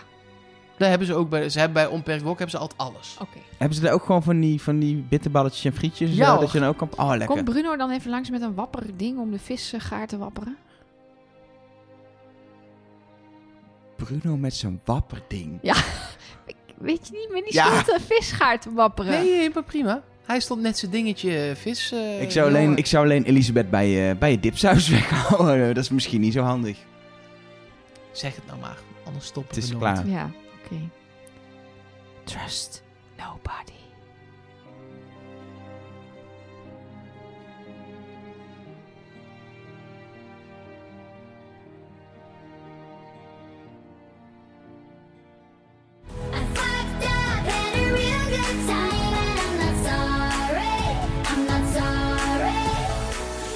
Ze, heel, eh, dat heeft ze inderdaad heel slim gedaan. Letterlijk op basis van, eh, van de briefing. En ik moet niezen. En dat ga ik nu doen. Gezondheid. Gezondheid.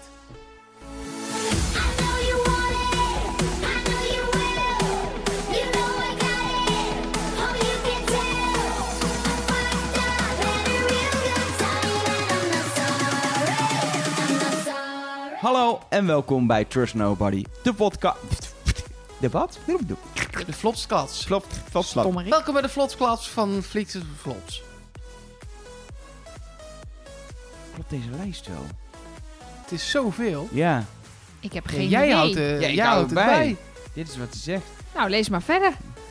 Eh, Pieter Nel, eh, Oké. We kregen een heel leuk appje van eh, Steven.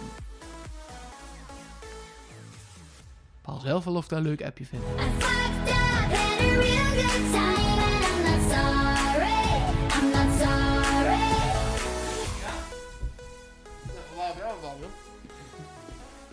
Je hebt een koekje in je mond, dan kan je niet praten. Oh jawel hoor. Flats, flats, kraak, kraak. The boys are back in Jij town. zei iets, dus even... Ja.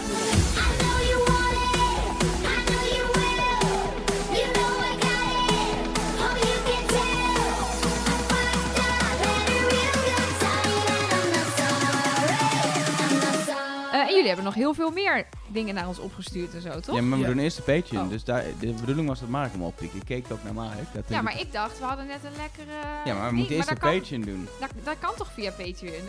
Kan je toch Nu gewoon... is gewoon een Patreon blokje. Anders klopt het niet meer. Zal ik anders de Patreons even doen?